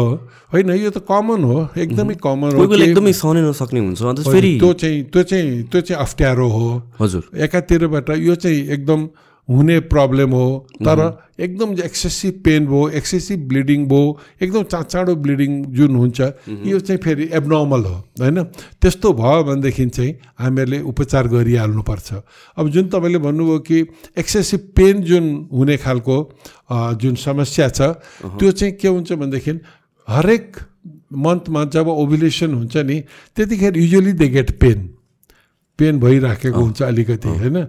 तर कसै कसैलाई चाहिँ फाइब्रोइड हुनसक्छ पाठेघरमा मासु बढेको हुनसक्छ अथवा जुन ओभरीमा इन्डोमेट्रोसिस भएको हुनसक्छ पाठेघरमै इन्डोमेट्रोसिस अथवा एडेनोमायोसिस भएको हुनसक्छ होइन? त्यस्तो भएको ठाउँमा चाहिँ एकदम एक्सेसिभ पेन हुनसक्छ जसलाई हामीहरू पेनफुल त्यो normal होइन। नर्मल त्यो एक्सेसिभ हुनु त नर्मल हुँदै होइन त्यति बेला चाहिँ उनीहरूको चेकअप गरेर कसरी उनीहरूलाई तर एबनर्मल हो भनेर कसै कसैले त रुँदै एकदम उ गर्दै आउँछन् त्यो पनि होइन फेरि होइन नर्मलको अलिकति नराम्रो पक्ष हो त्यो अप्ठ्यारो पक्ष हो त्यसलाई पनि ट्रिट गर्न सकिन्छ र लजाउनु भएन। र त्यस्तो हु धेरै रगत गयो अथवा चाचाडो भयो अथवा धेरै पेनफुल भयो भनेदेखि चाहिँ you should go to the gynaecologist जस्तो कि अब धेरै I mean like period pain त सबैलाई हुन्छ कोही कोहीलाई त सहनै नसक्ने हुन्छ कि। अनि। अनि त्यस्तो बेला मेडिकेसन युज गर्ने कि नगर्ने? पेन किलरहरू युज गर्नु हुन्छ कि हुँदैन? गर्ने गर्ने। पेन किलरले त्यसको side मात्रै effects नहुन हुँदैन? सक्छ। केही साइड इफेक्ट हुँदैन त्यो गर्नै पर्छ। तर कसलाई कुन कतिखेर औषधि कुन औषधि? अब एकातिर तपाईँको एकदम painful menstruation because of adenomyosis भएको छ। तपाईँले औषधि खाएको खाइ गर्नुहुन्छ तर निको हुँदैन। त्यसकारण त्यो त्यसको अन्डरलाइङ कज चाहिँ ट्रिट भएन नि सिम्टमलाई मात्र। सिम्टम्स मात्रै ट्रिट भयो। कज चाहिँ ट्रिट नभएको हुनाले फेरि उनीहरूलाई उस्तै हुन्छ होइन? त्यसकारण अ, अलिकति दोकानमा गएर औषधि लिनुभयो भने नदुख्ने औषधि दिन्छ खाइहाल्नुहुन्छ। तर यदि गाइनेकोलोजिस्ट कहाँ गएर तपाईँले उपचार माग्नुभयो भनेदेखि तपाईँको नछुने पनि ठिक ठाउँमा आउँछ अनि दुखाइ पनि कम हुन्छ। Worry about too much sex भन्ने कुरा हुन्छ कि हुँदैन? अप्पर लिमिट हुन्छ कि हुँदैन त्यस्तो? होइन देयर आर पिपुल होइन त्यो हाम्रै क्लिनिकमा आउने महिलाहरू पनि डाक्टर साहब श्रीमान बाहिर गइसकेपछि चुप फेरि फर्केर आउनुहुन्छ अनि हामीलाई भन्नुहुन्छ कि डाक्टर साहब मेरो श्रीमानलाई भनिदिनुहोस् न। प्लिज होइन अनि यो चाहिँ अब ठिक छ। जुन नर्मल्ली आज भयो फेरि सात दिनपछि भयो अथवा डेली भयो तर कसै कसैको चाहिँ जुन चाहे फिमेलको होस् चाहे मेलको होस् जुन एक्सेसिभ चाहना फर. सेक्सुअल डिजायरहरू जुन हुन्छ त्यो चाहिँ धेरै कारणहरूबाट उनीहरूको हुन्छ। कतिको चाहिँ हर्मोनै इम्ब्यालेन्स भएर भएको हुन्छ। एउटा सानो केटाकेटीहरू पनि जुन सात आठ दस वर्षका हुन्छन् नि हो उनीहरूमा युजली त्यो हर्मोन डेभलप भएको हुँदैन र they don't have that sex desire तर कतिमा चाहिँ त्यो प्रिकसिस प्रिभर्टिभ हुन्छ क्या। त्यो उनीहरूको त्यो उमेर पुग्नुभन्दा अगाडि नै उनीहरूले त्यो प्युबर्टी गेन गरिदिन्छ। होइन? सात आठ वर्षमै। अचम्म हुन्छ होइन? त्यसकारण त्यो पनि हामीहरूले एकपल्ट हेर्नुपर्छ कि whether she has whether he has this precocious puberty or not. होइन? त्यो छ भनेदेखि हामीले उनीहरूलाई अर्कै तरिकाबाट फेरि ट्याकल गरिहाल्नुपर्छ। होइन? त्यसकारण यो सब चिज चाहिँ चाहे हर्मोनको कारणबाट होस् चाहे कुनै रोगको कारणबाट होस् होइन? चाहे त्यो उम्, श्रव्य दृश्यहरूको अ, एकदम त्यो नराम्रो असरबाट होस् अथवा कसै कसैको इमेजिनै त्यही मात्रै पनि भइराखेको हुन्छ होइन? त्यस कारण त्यो जुनसुकै कारणबाट भएको भए पनि होइन यो सब चिज चाहिँ हुन्छ तर त्यसलाई कसरी रोक्ने त्यो चाहिँ हाम्रो कर्तव्य हो। सो लेट्स दुवैजना पार्टनर्सको चाहिँ sexual desires or or appetite for sex एकदमै हाई छ होइन? त्यो त्यो लिमिटेसन हुन्छ लाइक यो भने चाहिँ नराम्रो हो भनेर हुन्छ र? एक्ज्याक्टली किनभनेदेखि हामीले कतिको हो? सयजनाको सयजनाको हामीहरूले त्यो खालको लियौँ भने पनि हगि once a day in year उसमा ट्वाइस ए डे होइन? त्यो normal हो? त्यो नर्मल हामीहरू केही समयको लागि. नट फर अल होइन? तर त्यो त्यो हामीहरू त्यसलाई नर्मल्ली लिए तापनि यदि यो प्र यो क्रम चाहिँ अब धेरै वर्षसम्म चलिराख्यो भनेदेखि चाहिँ either husband or wife gets tired and उनीहरूको अनविलिङनेस होइन? त्यो हुने बित्तिकै अनि उनीहरूको यसमा अप्ठ्यारो सिचुएसन आउँछ। या त वाइफले हस्बेन्डलाई छोड्छ या त हस्बेन्डले वाइफलाई छोड्छ होइन? त्यो synchronization भएन भनेदेखि चाहिँ। र युजली दुइटालाई इक्वेली त्यो खालको डिजायर हुन्छ भन्ने चाहिँ हामीले सोच्नु हुँदैन। अबाउट लिमिट भन्ने हुन्छ होइन त्यो पनि अब सबैमा मेलमा फिमेलमा सबैमा आफ्नो यौन अवस्थामा उनीहरूको त्यो चाहनाको अनुसार त्यो भइराखेकै हुन्छ। होइन? कुनै न कुनै मेथडबाट कसैलाई हेरेर मात्रै पनि सन्तुष्ट हुन्छ कसैलाई सोचेर मात्रै पनि सन्तुष्ट हुन्छ। होइन? यसलाई हामीहरूले अर्कै तरिकाबाट हेर्न सक्छौँ। त्यस कारण त्यसको पनि यदि अघि मैले भने नि यो सेक्सुअल रिलेसन जस्तै मास्टरबेसन पनि यदि उनीहरूको एक्सेसिभ छ भनेदेखि त्यो के कारणले भएको छ? हर्मोन इम्ब्यालेन्सले भएको छ कि? अथवा अरू कुनै फ्याक्टर छ यसमा? होइन? त्यो चाहिँ हामीहरूले हेरेर सेक्सोलोजिस्टहरू कहाँ पठाएर त्यसलाई ट्रिट गर्नुपर्छ। सो टु मच मास्टरबेसनको साइड इफेक्ट्स हुन्छ कि छ छ छ। जेको पनि किनभनेदेखि नि यो चाहिँ कस्तो हुन्छ भनेदेखि अब हाम्रो हामीले हेर्नुपर्छ माथिदेखि अङ्गसम्ममा हाम्रो एउटा हर्मोन कुदिराखेको हुन्छ। होइन? जस्तो मास्तिर हाम्रो पिट्युटरी ग्ल्यान्ड भन्छौँ होइन? त्यहाँबाट जान्छ। त्यहाँबाट गइसकेपछि अनि हाम्रो ओभरिज छ अथवा टेस्टिस छ अनि त्यसपछि अर्ग्यान्सहरू छ होइन? चाहे इन्डोमेट्रियम छ होइन? चाहे मेल ऊ छ अङ्ग छ। जुनमा गए पनि होइन? हामीले के हेर्नु पऱ्यो भनेदेखि यदि त्यो हर्मोन चाहिँ एबनर्मल हर्मोनको रूपमा अगाडि बढिरहेको छ र उनीहरूको त्यो चाहना चाहिँ अघि मैले भने नि यस्ता यस्ता यो प्रिप्युबर्टल प्युबर्टीभन्दा अगाडि नै जुन हुने जुन उनीहरूको यौन चाहनाहरू अथवा त्यसरी डेभलपमेन्टहरू जुन भइरहेको हुन्छ नि त्यो धेरै नै डेन्जर सिचुएसन पनि हो। होइन? हामीले एक दुईजनालाई सेक्सोलोजिस्टकोमा हामीहरूले रेफरै गर्नु पर पर्यो त्यसकारण त्यस्तो चिजहरू हुँदाखेरि चाहिँ वी सुड आइडेन्टिफाई देम र हामीहरूले उनीहरूलाई चाहिँ जाँच्न पनि पठाउनुपर्छ इन जेनरल सेक्सको कुरा गर्दाखेरि चाहिँ आई मिन वुमेनहरूलाई सेक्सुली सेटिस्फाई हुनलाई it's more difficult than men in general टर्म्समा होइन अर्ग्याजम भनौँ न फिमेल अर्ग्याजम अलि रेयर हुन्छ भनेर भन्छ नि त so what causes that or त्यसको चाहिँ राइट वे के हो होइन यहाँ धेरैजनाको धेरै विचारधाराहरू छ। जतिखेरदेखि यो यौनका कुराहरू हुन थाले हजुर। होइन कुरा हुन थाल्दाखेरि एकले अर्कोलाई सघाउने हजुर। एकले अर्कोलाई पछार्ने अथवा एकले अर्कोलाई कसरी समावेश गरेर हामीहरू चाहिँ समन्वय गर्ने। यी तिनवटा जुन कुराहरू छन् नि त्यो चाहिँ इम्पोर्टेन्ट हो क्या। त्यसकारण यहाँ चाहिँ त यो अर्ग्याजमका कुरा चाहे मेल होस् चाहे फिमेल अर्ग्याजमका कुराहरू होइन?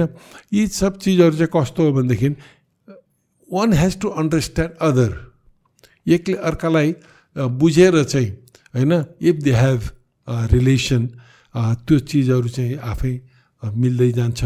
होइन भनेदेखि होइन भनेदेखि अघि मैले भने नि यो बौलट्ठीपनाका कुराहरू चाहे हस्बेन्डले वाइफ छोड्छ या त वाइफले हस्बेन्ड छोड्छ यो भएन मलाई त्यो पुगेन त्यो भयो यो बेसी भयो भन्ने खालका कुराहरू आयो भनेदेखि चाहिँ अनि त्यसमा अप्ठ्यारो सिचुएसन आउँछ। यो पाठकहरूको क्यान्सर भनेको कतिको कमन हो यो? धेरैजनाको सुनिरहेको हुन्छौँ हामीले केसेसहरू होइन अघि के हो भनेदेखि हाम्रो नेपालमा हजुर। बाल विवाह जसको विरुद्धमा मैले गौथली भन्ने चलचित्र पनि बनाएँ। होइन? Out of my eight films सबभन्दा इम्पोर्टेन्ट र मैले मन पराएर एकदम एजुकेसनको लागि बनाएको चलचित्र चाहिँ गौथली हो। जसमा बाल विवाहको विरुद्ध चाइल्ड एजुकेसनको लागि सपोर्ट गर्नको लागि बनाएको पिक्चर थियो। होइन? जुन देशमा अहिले पनि हामीले आँकडा लियौँ भनेदेखि एकदम ठुलो सङ्ख्यामा बालविवाह प्रचलन छ। होइन?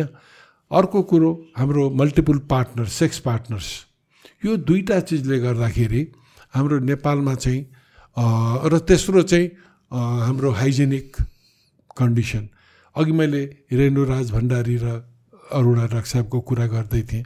उनीहरूले एउटा जुन लेख पब्लिस गर्नुभएको थियो रेणु डाक्टर साहबले जस्तो लाग्छ मलाई कि लगाएको प्याडहरू उनीहरू कपडा लगाउने र त्यो कपडा घाममा सुकाउन पनि उनीहरूलाई नदिने।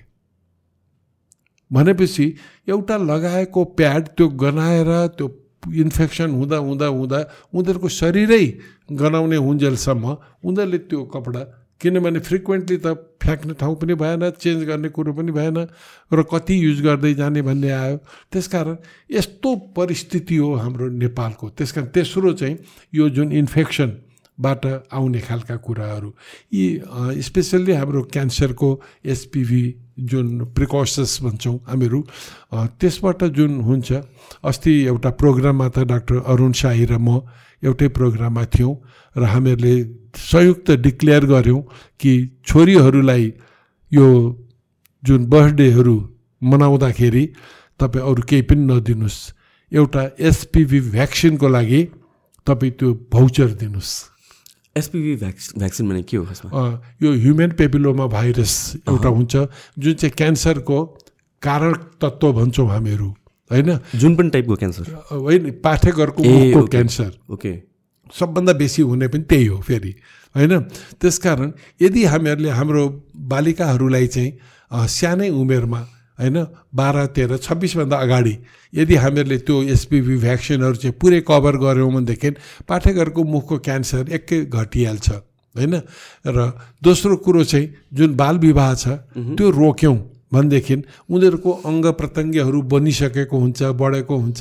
त्यसपछि उनीहरूको सेक्स रिलेसनमा कुनै पनि त्यस्तो नराम्रो असर पर्दैन। तेस्रो चाहिँ हाम्रो दूर दराजमा पनि अहिले पनि जुन मल्टिपल सेक्स पार्टनरका कुरा छन् अब त सहरमा भन्नुहोस् न हामीले चाहे भनौँ चाहे नभनौँ है त्यो चाहिँ एउटा कमन भइसक्यो। सेक्स पार्टनर बदल्ने अथवा यो गर्ने ऊ यी सब चिजहरूलाई अलिकति हामीले डिस्करेज गरेर यदि साना केटाकेटीहरूमै हामीहरूले भ्याक्सिन चाहिँ दियौँ भनेदेखि हाम्रो क्यान्सर रोकिन्छ भनेर अस्ति हामीले एनाउन्स गऱ्यौँ र त्यो महिना नै हाम्रो सर्भाइकल क्यान्सर को महिना थियो र धेरैजनाले त्यसलाई एप्रिसिएट पनि गर्नुभयो। त्यसकारण हामीले जुन पाठेघरको मुखको क्यान्सर छ त्यसलाई नहुन नदिनको लागि एक दुई तिन चार पाँच छ सात आठ नौसम्म चाहिँ भ्याक्सिन सानैमा उनीहरूलाई दिने अनि दसमा गएर चाहिँ बाल विवाह हुन नदिने र मल्टिपल पार्टनरहरूबाट जोगिएर इन्फेक्सन कन्ट्रोल गर्ने। यति भयो भने यदि हामीहरूलाई एकदमै कम हुन्छ जस्तो धेरै देशहरूमा यो पाठेघरको मुखको क्यान्सर कम हुन्छ बरु ओभरियन क्यान्सर बेसी हुन्छ होइन? उनीहरूको त्यो शिक्षाले गर्दा उनीहरूको त्यो अर्ली डिटेक्सनले गर्दा फेरि यही क्यान्सर पनि चाँडै पत्ता लाग्यो भनेदेखि निको हुन्छ राम्रो हुन्छ तर यदि त्यो पत्ता लागेन भनेदेखि चाहिँ अनि फेरि बढ्दै जान्छ हामीले कन्ट्रोल गर्न सक्दैनौँ यो बाल विवाहको कुरा गर्नुभयो तपाईँले सो एउटा राइट एज हुन्छ सेक्स योभन्दा अगाडि नगर्दा राम्रो भनेर एक्ज्याक्टली कति कति एज हो जस्तो हामीहरू के भन्छौँ भनेदेखि जुन यो अठार वर्षको जुन हामीहरूले म्याद राखेका छौँ त्योभन्दा अगाडिको जति पनि सेक्स हुन्छ अब सेक्स त चाहना त अघि हामीहरूले भन्यौँ चौधदेखि सुरु हुन्छ सोह्रमा अझ बेसी हुन्छ सोह्र वर्ष यौवन नै भन्छौँ हामीहरू होइन? त्यस त्यसपछि अझ बढ्दै जान्छ त्यो हुँदै। तर यदि हामीहरूले सोह्रलाई मात्रै पनि यदि हामीहरूले मार्क यो मार्जिन राख्ने हो भनेदेखि त्योभन्दा अगाडि सेक्स रिलेसन नहुँदाखेरि अङ्ग प्रत्यङ्गहरू राम्रोसँग बन्छ। त्यसपछि अब ब पहिलो बच्चा चाहिँ हामीहरू बिस वर्ष नभई पहिलो बच्चा नहोस् भन्छौँ। तर त्योभन्दा अगाडि उनीहरूको यौन चाहनै नहोस् अथवा उनीहरूसँग सेक्स रिलेसनै नहोस् भनेर चाहिँ हामीले त्यसरी एडभोकेट गर्दैनौँ। तर सोह्र वर्षभन्दा अगाडिकाले चाहिँ सेक्समा संलग्न भएनन् भनेदेखि चाहिँ पाठकहरूको मुखको क्यान्सर धेरै कम हुन्छ। सो तर यो सिक्सटिनभन्दा अगाडि हामीले कम्प्लिटली प्रिभेन्ट त गर्न सक्दैनौँ होइन? डिजायर्सको कुरा हो गर्नेले त गर्छ। सो त्यो सेक्स गरे पनि यो जुन हाम्रो पाठकहरूको क्यान्सरलाई प्रिभेन्ट गर्नलाई केही छ स्पेसिफिक? होइन कुरो के हो भनेदेखि नि सेक्स रिलेसनमै यो पाठकहरूको मुखको क्यान्सर हुन्छ भन्ने छैन नम्बर एक। नम्बर दुई अघि मैले भने नि त्यो एज ग्रुपले त भ्याक्सिन लिइसकेको हुनुपर्छ। ओके भ्याक्सिनको कुरा आयो। अघि? त्यसकारण यदि अब त्यो एज ग्रुप चाहिँ यदि उनीहरू चाहिँ प्रस्टिच्युटमा गए माल्यौँ भनेदेखि मल्टिपल सेक्स पार्टनरहरू भए यदि उनीहरूको चाहिँ सेक्स चाहिँ एकदम एक्सेसिभ भयो भनेदेखि चाहिँ उनीहरूको सर्भाइकल कार्सिनोमा हुने चान्स एकदम बढी भयो। तर कहिलेकाहीँ उनीहरूको सेक्स रिलेसन छ होइन? भनेदेखि एकपल्ट दुईपल्टको सेक्स रिलेसनमा पाठेघरको मुखको क्यान्सर बढ्छ भन्ने होइन होइन? तर यदि भ्याक्सिन लिएको छैन भनेदेखि चाहिँ जति उनीहरूको रिलेसन हुँदै जान्छ त्यो बढ्दै जान्छ। ओके डक्टर एउटा सर्ट ब्रेक लिउँ न। प्लिज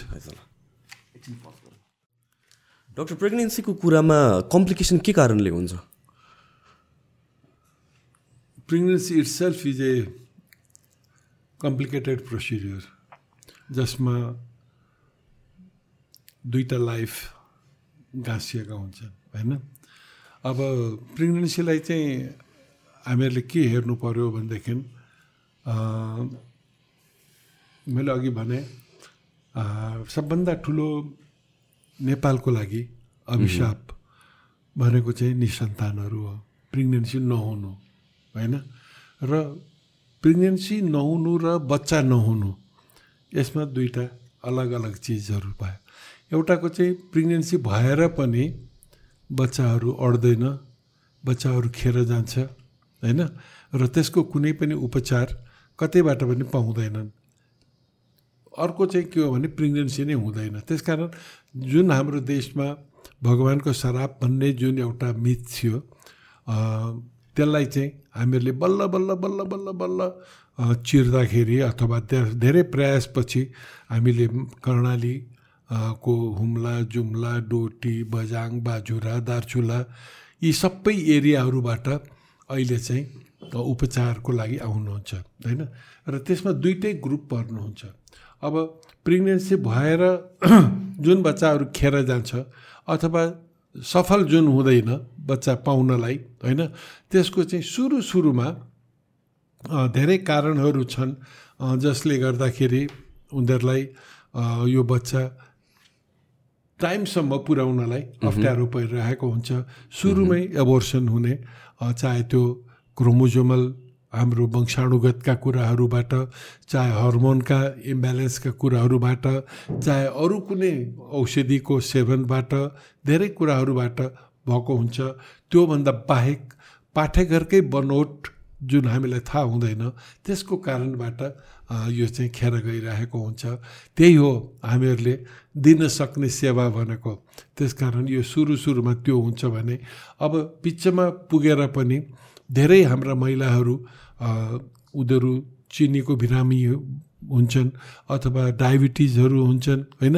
धेरै रक्तचापकादेखि लिएर सुगरका यी सब बिरामी थाइरोइडका बिरामीहरूको कारणले गर्दाखेरि उनीहरूको बच्चा नराम्रो हुने अथवा बिचैमा खेर जाने हुन्छ र अन्तिममा गएर जब बच्चा पाउने बेला हुन्छ सबभन्दा दुःख लाग्दो त अझ पाउने बेलामा उनीहरूले बच्चा पाउनको लागि जुन सेफ डेलिभरी सेन्टरहरू हुनु पर्थ्यो जहाँ लगेर पेटभित्रको बच्चा त्यो आमाले पाउन सक्ने अवस्था छ कि छैन भनेर जुन हामीहरूले जाँच्न सक्ने बुझ्न सक्ने हातहरू हुनु पर्थ्यो औजारहरू जुन हुनु पर्थ्यो त्यो नभएको कारणबाट उनीहरूले त्यो बच्चा जन्मिने प्रोसेसमा बच्चाले पनि आमाले पनि ज्यान गुमाउनु पर्छ।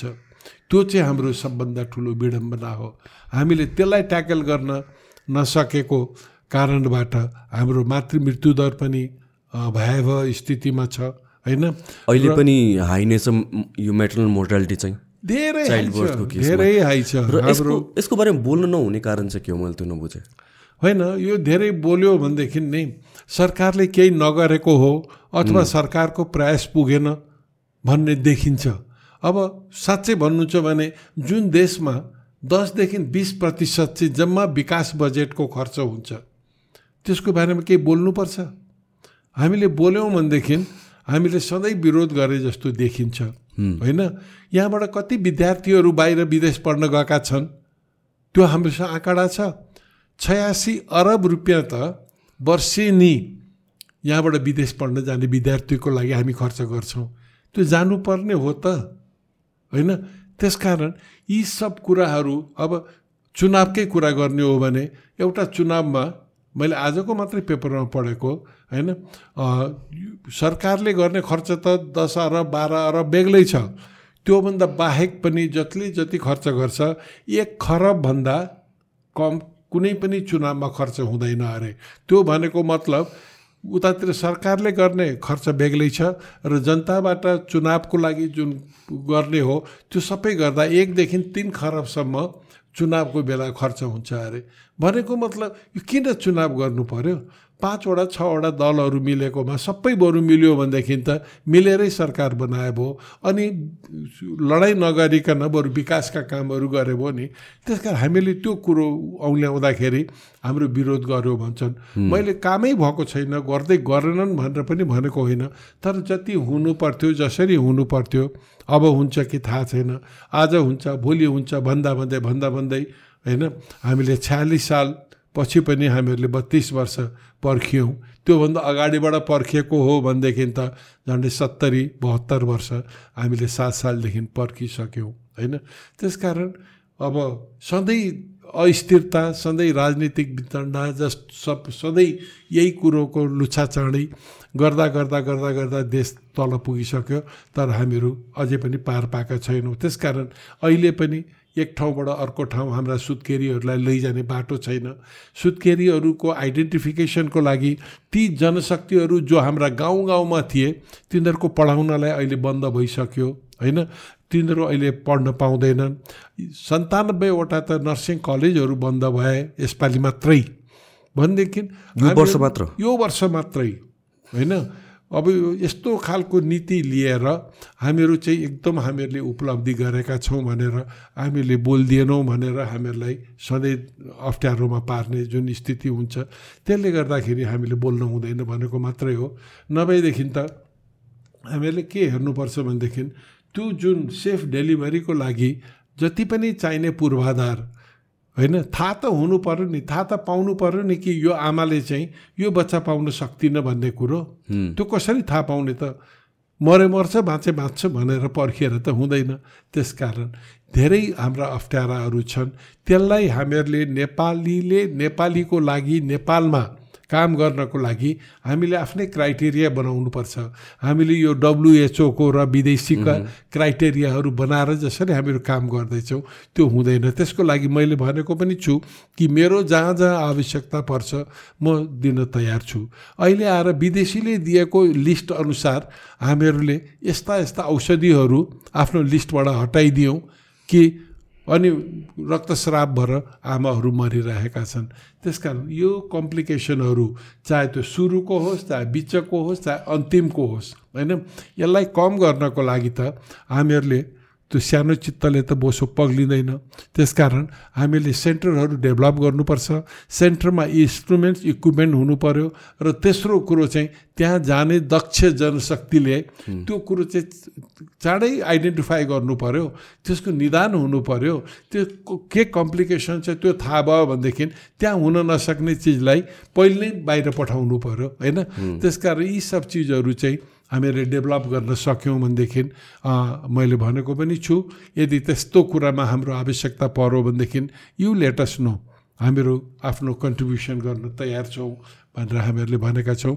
त्यस कारण यति नगरिकन हाम्रो यो मातृ मृत्यु दर घट्छ अथवा हाम्रा आमाहरूले चाहिँ सेफ डेलिभरी गराउँछन् भनेर हामीले जतिसुकै ढोङ लगाएर फोके पनि कसैले पनि पत्याउनेवाला पनि छैनन् र हुँदा पनि हुँदैन। कतिले हाम्रा भाइहरूले यो हेलिकप्टर सर्भिसबाट तिनीहरूको उद्धार गर्ने भनेर दिपक सिलवाल लगायत धेरैले यसमा सिमरी केयरको पनि ठुलो योगदान थियो।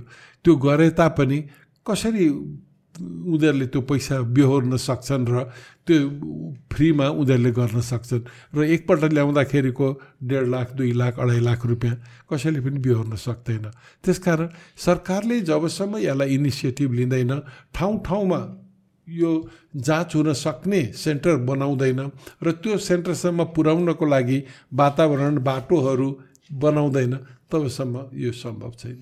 यो चाइल्ड बर्थको केसमा पनि जुन सिन्ड्रोमहरू हुन्छ बच्चाहरूमा देखिन्छ होइन? अब मोस्ट कमनली नोन भने डाउन सिन्ड्रोम हो। यो हामीले अहिले मात्र सुनिरहेको हो कि यो रेट बढेको छ? होइन पहिले थाहै हुँदैन थियो कसैलाई। होइन? धेरै चिजहरू छन् यस्ता छन् कि कसैलाई थाहै हुँदैन थियो हुन्थ्यो या त मर्थे या त सुस्त मनस्थिति हो भनिदिएपछि पुगिहाल्थ्यो। के फ्याक्टरले गरेर त्यसलाई एफेक्ट गर्छ? होइन गर्न सकिन्छ? सबभन्दा ठुलो कुरो त उनीहरूको त वंशाणुगतै हो होइन? कि उनीहरूको जुन क्रोमोजोममा ट्राइसोमी ट्वेन्टी वान भन्छौँ हामीहरू त्यो भएको प्यारेन्ट्सहरू आमा होस् बाबु होस् अथवा दुवै होस् होइन?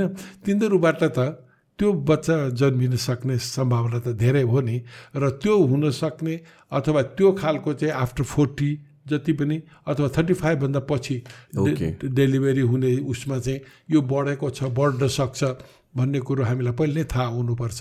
त्यसले गर्दाखेरि हाम्रो त त्यो जाँचहरू धेरै महँगो छ। तर हामीले जाँचहरू गरिरहेका छौँ। रुटिनली हामीहरू त अहिले जस्तो म हेम्स हस्पिटलमा छु होइन? हामीले त रुटिनली सबैको त्यो भर्नेरेबल ग्रुपहरूको हामीहरू टेस्ट गर्छौँ। त्यसकारण अब पहिले गर्दै गर्दै त्यो म क्यान्सरकै कुरा गरौँ न होइन? एक्टोपिककै कुरा गरौँ। पाठेघरको प्रेग्नेन्सी भएको बेलामा नली फुटेर मर्थे। घाँस लिन जान्थे हाम्रा महिलाहरू होइन? अनि डोकोमा घाँस बोकिसकेपछि मर्थे लडेर। किन मरे? भन्दा हुप लाग्यो भन्थ्यो। के हो त्यो हुप भनेको पेट दुख्यो। हेर्नुहोस् है। अनि पेट दुखेको के कारण हो कसैलाई पनि थाहा हुँदैन थियो अहिले हामीलाई थाहा हुन्छ कि या त उनीहरूलाई अब्स्ट्रक्सन केही भयो अथवा त्यो रप्चर भयो होइन? कतैतिर एनुरिजम थियो ब्रेनमा त्यो रप्चर भयो। किन कुनै न कुनै एउटा कारणले गर्दाखेरि। त्यसकारण पहिले थाहा हुँदैन थियो अहिले चाहिँ थाहा भएर हामीहरू त्यसको प्रिभेन्सनहरू गर्न सक्छौँ। त्यसलाई समयमै हामी उपचार गर्न सक्छौँ। जस्तो अहिले भर्खर मैले यो विराटनगरमा अब जुन यो न्युरोको ट्रिटमेन्ट भइरहेको छ यहीँ हाम्रो डक्टर उपेन्द्र देवकोटाको सेन्टरमा जसरी जुन जुन नयाँ नयाँ प्राविधिहरू ल्याएर उपचार भएको छ विराट बिएनसी जस्तो झापाको मेडिकल कलेजहरूमा क्यान्सरको लागि जुन एउटा नयाँ प्राविधिहरू ल्याएर जुन उपचार भएका छन्। अहिले अब धेरै ठाउँमा धेरै चिजहरू यस्ता नयाँ प्राविधिहरू छन् जसले गर्दा हामीलाई पहिले नै थाहा हुन्छ र उपचारमा सजिलो भएको छ। होइन भनेदेखि ती चिजहरू एक ठाउँमा कतै कहिलेकाहीँ हुन्थे अनि तिनीहरूको सेवा लिन कसैले पनि पाउँदैन थियो।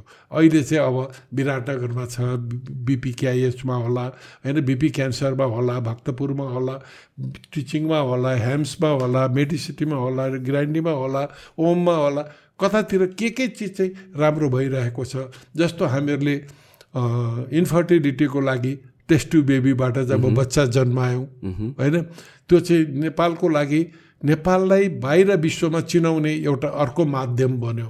जब हामीले ओम मणि तामाङ मेरो हातबाट जब जन्मिए। तपाईँ फर्स्ट पर्सन आइभिएफ आइभिएफको मैले सुरु गरेँ र पहिलो बच्चा पनि हाम्रै टिमबाट जन्मियो मेरै हातबाट जन्मियो होइन? त्यसरी चारजना बच्चाहरू फर्स्ट एक दुई तिन दिनको भित्रमा त्यसरी आइभिएफबाट जन्मिँदाखेरि विश्वले हामीलाई चिन्यो। त्यतिखेर संसारको लागि स्टिल हामीहरू अगाडि नै थियौँ आइभिएफको केसमा। हामीहरू त छँदै थिएन। हाम्रो त आइभिएफमा हाम्रो आइडेन्टिफिकेसनै थिएन। कसैले चिनेको पनि थिएन। नेपालमा आइभिएफ हुन्छ भन्ने पनि थाहा थिएन। त्यतिखेर संसारभर चाहिँ हुन्थ्यो? संसारभरि भइसकेको सत्ताइस वर्ष भइसकेको थियो। Louise Brown first IVF baby सत्ताइस वर्ष अगाडि जन्मिएपछि हाम्रो नेपालमा हामीले यो प्राविधि भित्र्याएको। ढिलै भए पनि भित्र्यायौँ। आज हाम्रो भनौँ न मोर देन फाइभ थाउजन्ड त हाम्रो आइभिएफ बेबिजहरू होलान्। इन्फर्टिलिटी ट्रिटमेन्ट गरेको त मेरै हातबाट पनि लाखभन्दा कम त छैन होला होइन? त्यसकारण हामीहरूले जे एउटा प्रयास हामीले थालेका छौँ अब त्यो प्रयासलाई चाहिँ सबैले एप्रिसिएट गर्नु पर्यो। वाट आफ्टर दिस यसपछि के गर्ने भनेर इन्करेज होइन? अहिले भनौँ न महावीर पुन्जीलाई यदि हामीहरूले अहिले इन्करेज गरेर नयाँ नयाँ आविष्कारहरू गर्न दियौँ भनेदेखि कति चिज आउला नि त होइन? समता स्कुल हेर्नु सय रुपियाँमा पढाउँदैछ होइन? अब त्यस्तो त्यस्तो चिज एउटा नयाँ कन्सेप्ट लिएर आउने मान्छेहरूलाई हामीले इन्करेज गऱ्यौँ भनेदेखि हुने हो। होइन भनेदेखि यो सधैँ राजनीति मात्रै हुन्छ त्यस कारण हामीले बोल्न पनि हामीलाई अप्ठ्यारो लाग्छ। आइभिएफको फर्स्ट केस तपाईँले यहाँ ह्यान्डल गर्दाखेरि त्यतिखेर कुनै काइन्ड अफ प्रेसर या भन्छ चाहिँ धेरै अप्ठ्यारो थिएन? धेरै अप्ठ्यारो पर्यो नि। किनभने एक त मलाई सुरु गर्नै अप्ठ्यारो थियो यो धेरै धेरै कस्टली एफियर थियो होइन? र अब यो बुझ्ने मान्छेहरू पनि धेरै कम थिए। तर जब मैले फर्स्ट बेबी यो आइपिएफको पनि फर्स्ट बेबी मेरै हो र ट्युब जोडेर नेपालमा बच्चा जन्मिएको पनि मेरै हो फेरि त्यो पनि ट्युब जोडेर भने कस्तो? अब जस्तो ट्युब काटिएको थियो ए बच्चा पुग्यो भनेर तिनको त्यो काटिएको ट्युब फेरि हामीहरूले मैले आएर जोडेँ चौवालिस सालमा। त्यो जोडेकोबाट पनि पहिलो बच्चा मेरै हातबाट भएको हुनाले यो श्रेय चाहिँ मैले पाएँ होइन? त्यसकारण यो जति पनि नयाँ नयाँ चिजहरू प्राविधिहरू हामीहरूले ल्याउँछौँ ल्याउँदाखेरि सधैँ कन्ट्रोभर्सीमा मान्छेहरूले नबुझिकन नि यसलाई चाहिँ कसरी फेल पार्ने भनेर लागिराखेका हुन्छन्।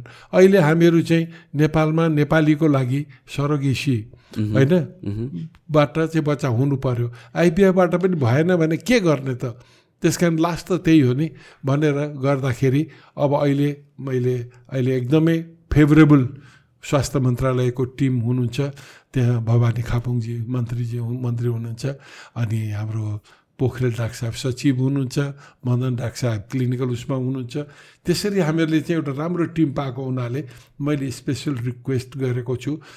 र हाम्रो हेम्स हस्पिटलमा हामीहरूले आइभिएफ थिएन। सुरु गर्दैछौँ हगि त्यसकारण यो सरोगेसीको पनि यदि हामीहरूले एउटा कार्यतालिका बनाएर एउटा प्रोग्राम बनाएर यदि हामीले स्वीकृति पायौँ भनेदेखि नेपालको अर्को एउटा फड्को हुन्छ यो हाम्रो सोसाइटीमा एउटा के चलन छ भनेपछि बिरामी परिसकेपछि मात्र डक्टरकोमा जाने होइन सिमिलरली गाइनोको केसमा एउटा गाइनोकोलोजिस्टलाई भिजिट गर्ने भनेको त आई अज्युम एउटा प्रिभेन्टिभ पोइन्ट अफ भ्यूबाट पनि हुनुपर्छ।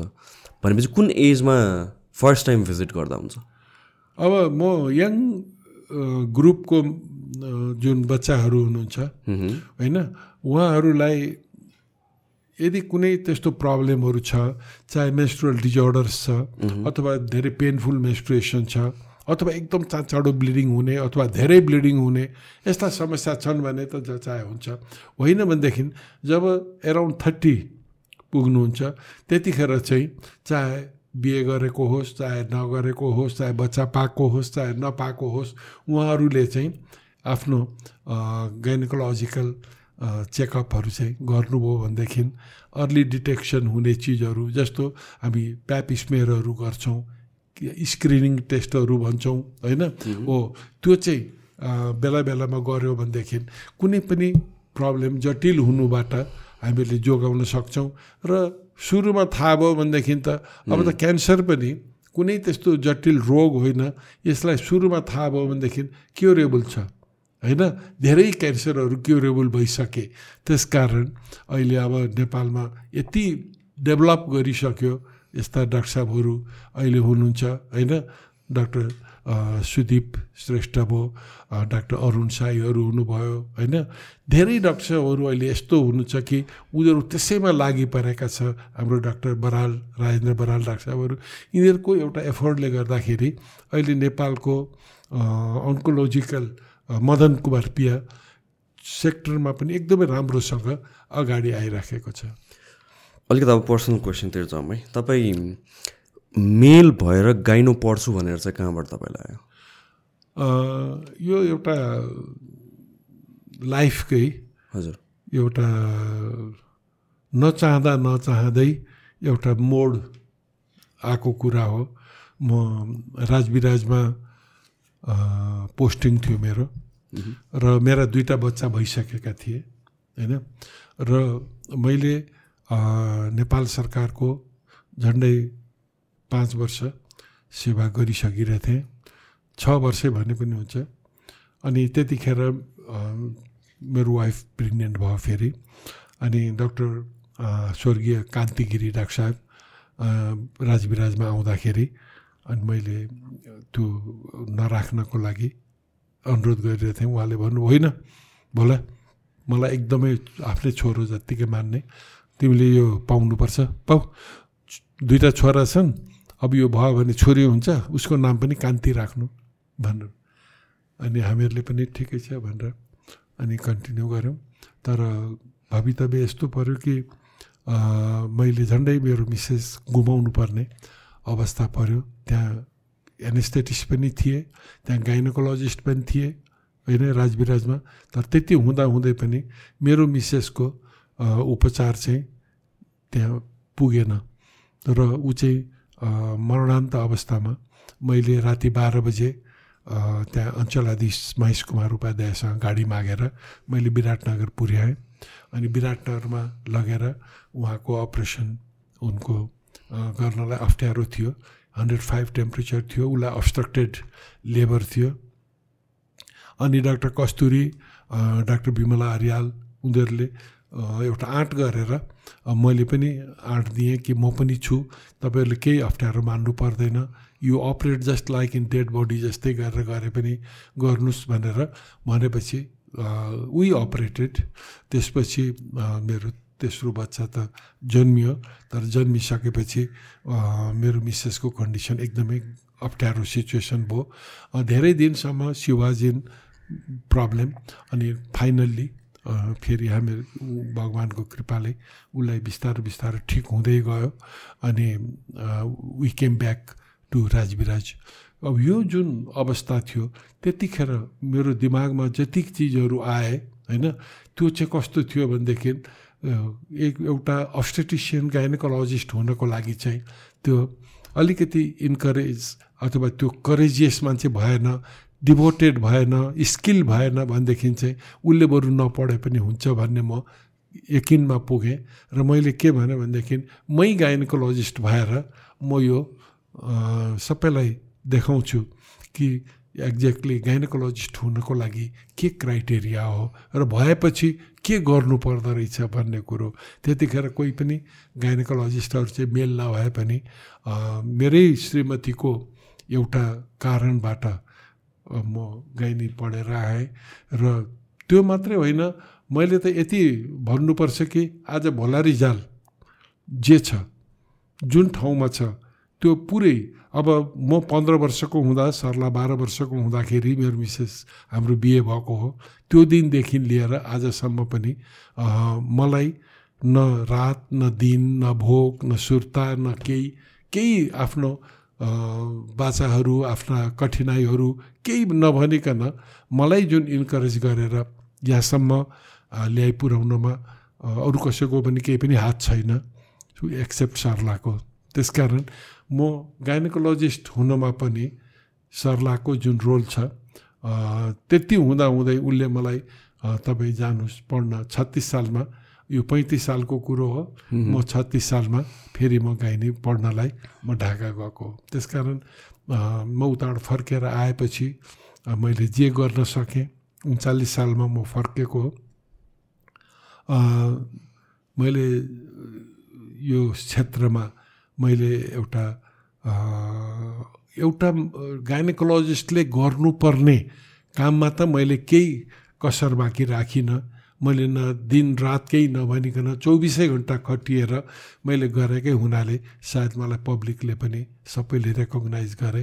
आज विश्वको जुनसुकै कुनामा म जाँदा पनि त्यहाँ मैले जन्माएका मैले उपचार गरेका महिलाहरू म भेट्छु उहाँहरू खुसी हुनुहुन्छ।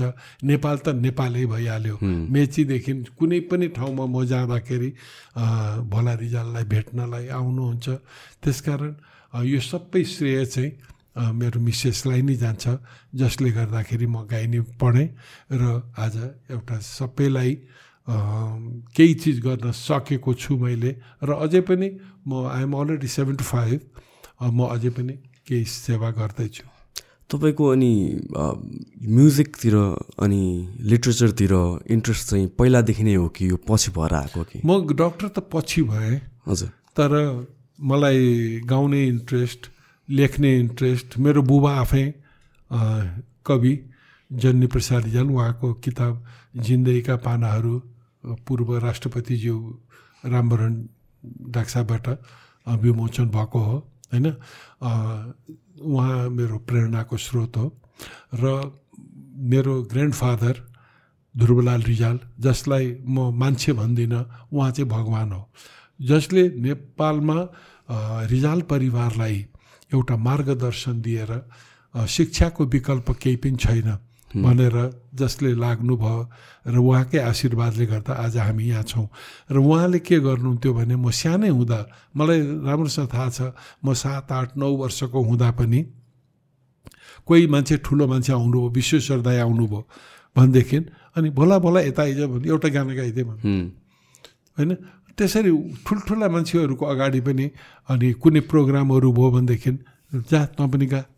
यस्तो खालको उहाँले गरेको हुनाले र मेरा काकाहरू महाप्रसाद रिजाल राधा प्रसाद रिजाल लक्ष्मी प्रसाद रिजाल उहाँहरूले मलाई सधैँ इन्करेज गर्नुहुन्थ्यो अनि त्यो सबले गर्दाखेरि म पनि त्यतिखेरदेखि लेख्थेँ गाउँथेँ स्कुलको फङ्सनहरूमा भाग लिन्थेँ। हाम्रो फेरि प्रत्येक हप्ता शुक्रबार चाहिँ गोष्ठी हुन्थ्यो। त्यसमा गाएर म सधैँ प्राइजहरू केही न केही केही न केही लिन्थेँ। अनि सबैलाई बाँड्थेँ बरु। किनभने मसँग त धेरै थुप्रिएको हुन्थ्यो।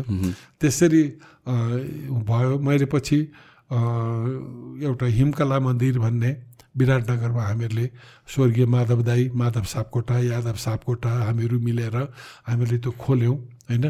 त्यो पनि एउटा हाम्रो लागि नयाँ कुरा थियो। हामी त्यहाँबाट ड्रामा लिएर इन्डिया गएर वीरपुरमा बतनामा हामीहरू ड्रामा देखाउँथ्यौँ। हिन्दीमा त्यो पनि कानुन कि आँखे जस्ता ड्रामाहरू हामीहरू लिएर गयौँ। अनि बनारसमा जाँदाखेरि पनि हाम्रो मनिषा कोइरालाको आमा सुषमा कोइराला हामी नानु भन्छौँ। अनि नानुसँग उसलाई प्रोग्राममा हामीले बिएचयुमा हामीले प्रोग्राम दियौँ। त्यसमा क्याप्टेन गङ्गा रिजाल विजय थापा प्रभु श्रेष्ठ अनि सुषमा त आफै भेरी गुड डान्सर होइन? अनि त्यसरी लक्ष्मीनाथ शर्मा। हामीहरूले राम्रो एउटा प्रोग्रामहरू दिएपछि हामीले टाउन हलमा पनि त्यो प्रोग्राम देखायौँ। त्यसपछि म ढाका गएँ। ढाका जाँदा पनि हामीले हिमाली नाइट प्रोग्राम गऱ्यौँ। अनि त्यहाँ पनि डाक्टर हेम नरसिंह साख्या होइन धनदेव सबैजना हामीहरू मिलेर हामीहरूले जे गऱ्यौँ राघव धिताल त्यो त्यो चाहिँ कन्टिन्युटी जस्तो भयो।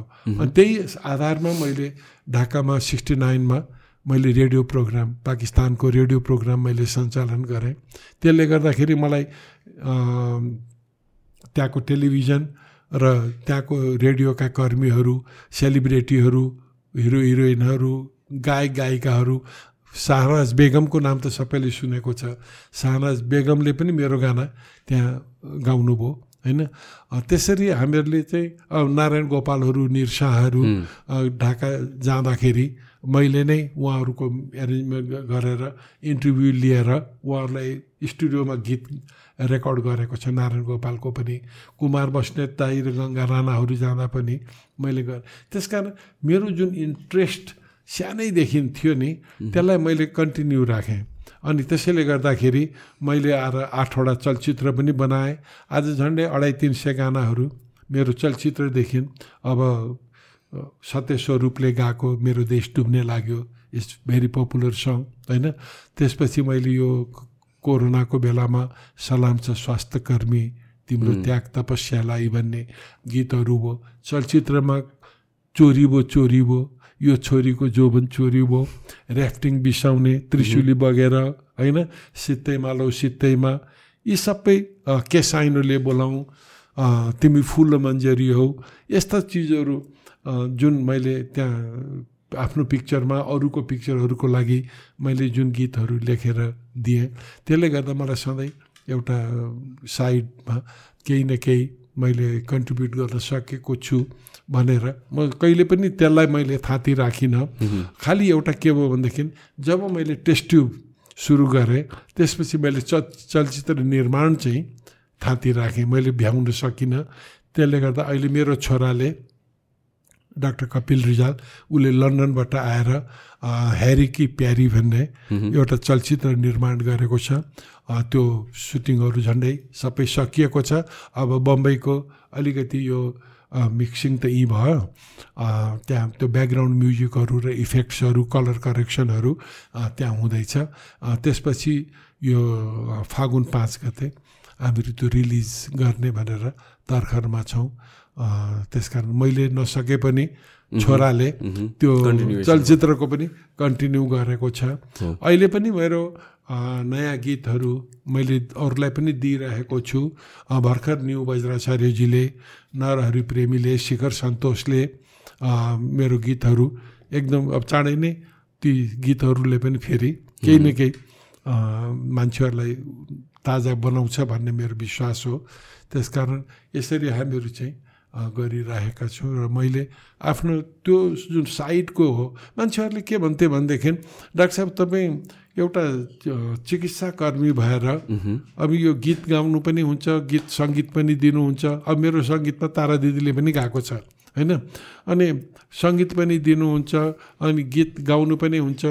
जिन्दगीको यात्रा तपाईँकै स्वर तपाईँकै सङ्गीत तपाईँकै भोकल उसमा रेकर्ड गर्नुभयो।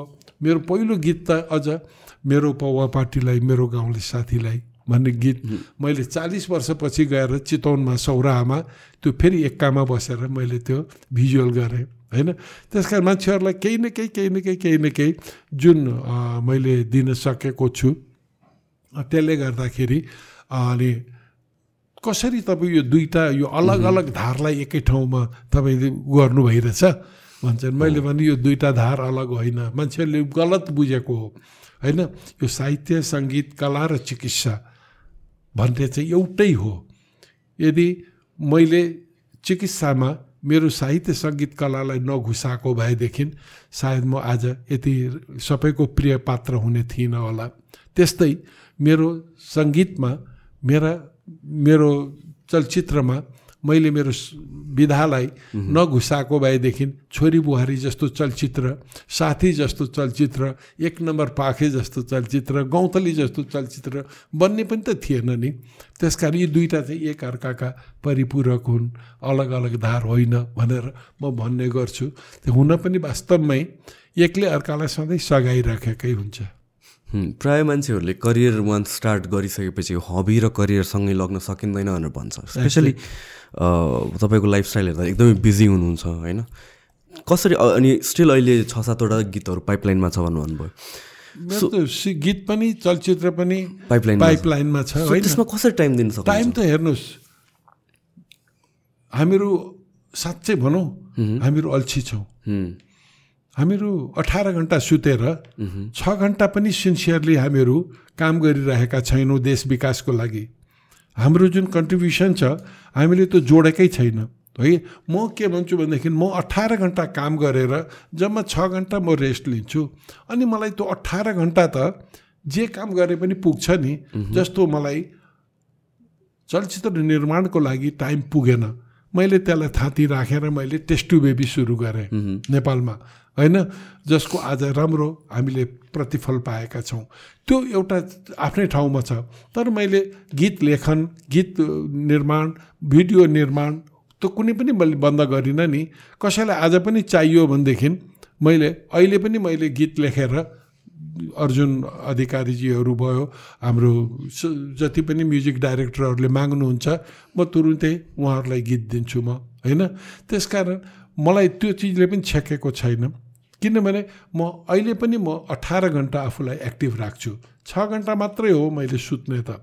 त्यसकारण यदि मान्छेले सिन्सियरली आठ दस घन्टा मात्रै काम गरिदियो भनेदेखि सबै चिज भ्याउँछ तर यहाँ काम चाहिँ नगर्ने अनि अब छुट्टी छुट्टीमा कि त केही मनोरञ्जनका विभिन्न अरू उपायहरू गर्ने त्यो भयो भनेदेखि क्रिएटिभनेस कम हुन्छ र केही पनि गर्न सक्दैन। यो क्रिएटिभिटीकै कुरामा तपाईँले अब आर्ट क्रिएट गर्दाखेरि लिट्रेचर क्रिएट गर्दाखेरि यो भनेको सबकन्सियसली आफै बन्ने हो कि होइन? म बसेर अब ल म एक घन्टा टाइम छुट्याउँछु म एउटा गीत बनाउँछु भनेर बस्नुहुन्छ।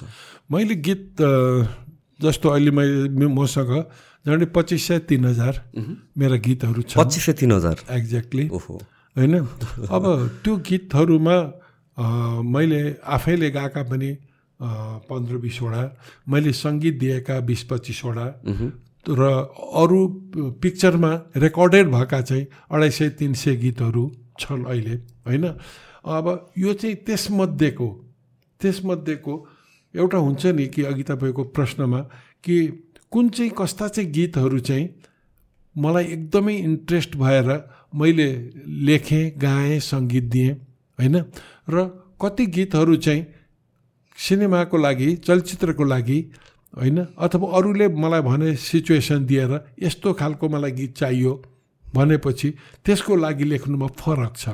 जस्तो मलाई एक दिन याद छ मैले एउटा मलाई एकदमै मन परेर लेखेको गीत मेरो गोजीमै थियो र म अर्को एउटा गीत रेकर्डिङको लागि म रेडियो नेपालमा गइरहेथेँ त्यहाँ चाहिँ भक्तराज दाई भेट हुनुभयो। भक्तराजजीले अनि के हो डाक्टर साहब केही छैन तपाईँहरूसँग भनेर मेरो पाल गोजीमा थियो। ल हेर्नुहोस् न त भनेर मैले देखाउँदाखेरि उहाँलाई यति मन पर्यो मैले आँखाको भाखा बुझिनँ मैले हाँसो र रोदन बुझिनँ तिम्रा पिर व्यथा तिम्रा मनका कथा मैले केही पनि त बुझिनँ। भन्ने गीत थियो। उहाँले त्यसलाई म्युजिक गरेर रमेश ताम्रकारलाई गाउन लगाइहाल्नुभयो। होइन? भनेको मतलब कहिले सिचुएसनको लागि के साइनोले बोलाउँ के नाउँ दिउँ तिमीलाई छोरी बुहारीको गीत हो होइन त्यस्तो सिचुएसनमा आफूले लेखेका गीतहरू मनपर्ने हुन्छन् कुनै चाहिँ जबरजस्ती लेखेर अनि पिक्चराइज गरेको हुन्छ जस्तो भन्नुहोस् न एकदम एकदमै चलेको गीतै लिने हो भनेदेखि त्रिशुली बगेर मर्स्याङदीमा झरेछ भन्ने ऱ्याफ्टिङ बिसाउने गीत। होइन त्यो मैले नेपाली बाबुको लागि लेखेँ। अनि चोरी भो चोरी भो यो छोरीको जोबन चोरी भो भन्ने गीत गौरी मल्ललाई डान्सको लागि मैले साथी चलचित्रको लागि लेखेँ। मलाई पनि अङ्ग्रेजीमा बोल्न सिकाइदेऊ न भन्ने राज पायलले गाएको गीत होइन? त्यो गीतहरू साथीको लागि। यसरी लेखेका गीतहरू कति गीतहरू चाहिँ एकदम भित्रैबाट आएका गीतहरू प्रचलित पनि हुन्छन् र राम्रा पनि हुन्छन्। कति चाहिँ एउटा सिचुएसनको लागि लेखिन्छ।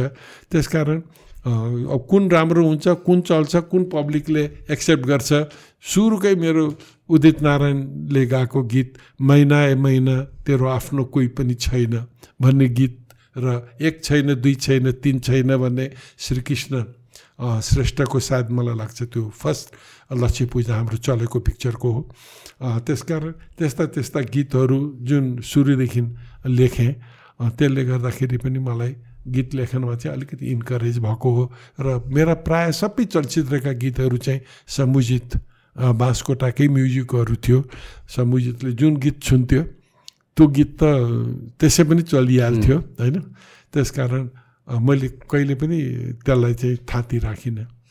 यो तपाईँले अघि सुरुमा भन्नुभएको थियो बायोग्राफी पनि अहिले त्यसमा वर्क गरिरहनु भएको छ। तपाईँको बायोग्राफीको लागि। हजुर। त्यो कहिले कम्प्लिट हुन्छ जस्तो छ यसो हेर्दा? त्योभन्दा अगाडि बायोग्राफीभन्दा अगाडि म मेरो एउटा सेतो कोट यो मेडिकल रिलेटेड बुक हो। त्यसमा श्रीसा भण्डारीजीहरूले यसलाई पब्लिस गर्दै हुनुहुन्छ। मलाई लाग्छ यो तिहारपछि हामीहरू कुनै बेलामा त्यो पब्लिस गर्छौँ र त्यसको दुई महिनाभित्रमा मेरो अटोबायोग्राफी आउँदैछ। आई होप होइन? त्यसमा हाम्रो मेदिनी भण्डारीजीहरूले एकदमै मिहिनेत गर्नु भइरहेछ यज्ञ नेौपानेजीहरूले सायद त्यो पनि यो दुई तिन महिनाभित्रमा केही त्यस्तो अरू भएन भनेदेखि पहिले सुरु गर्छु अब सिद्ध्याउँछु भने मैले त्यसपछि भुइँचालो गयो। त्यसपछि सिद्ध्याउँछु भने मेरो मिसेस सरलालाई क्यान्सर भयो अनि हामीहरू लन्डन गयौँ। त्यसपछि सिद्ध्याउँछु भने मेरो आफ्नै ढाडको अपरेसन स्पाइन सर्जरी भयो हामीहरू टर्की गयौँ। त्यसले गर्दाखेरि थाँती भएको हो। Let's hope everything will be all right र यदि सबै मिल्यो भनेदेखि मेरो चाहिँ आफ्नो धारणामा मङ्सिरभित्र मेरो अटोबायोग्राफी पनि हामी रिलिज गर्छौँ। Okay doctor best of wishes for everything and thank you so much for your time तपाईँ यति बिजी हुनुहुन्छ भनेर थाहा छ त्यही पनि टाइम निकालिदिनु भयो हाम्रो लागि। It was a pleasure talking to you it was extremely pleasure for me also होइन? किनभनेदेखि मलाई थाहा छ यो प्रोग्राम चाहिँ मोस्टली हाम्रो टिनेजर्स र अलिकति टिनेजर्सभन्दा माथिका यङ ग्रुपहरूले धेरै नै मन पराउनु भएको कार्यक्रम हो। र अझै पनि हामीले धेरै कुराहरू छुट्यायौँ होला। उनीहरूलाई केही न केही हामीहरूले एउटा जानकारीको हिसाबले सन्देशको हिसाबले उनीहरूले मेरो बारेमा के थाहा पाउन खोजेका हुन्छन् त्यो कुरो चाहिँ हामीहरूले जसको बारेमा पनि तपाईँहरूले जसरी यो प्रोग्रामलाई चाहिँ अलिकति भित्रसम्म पुगेर त्यो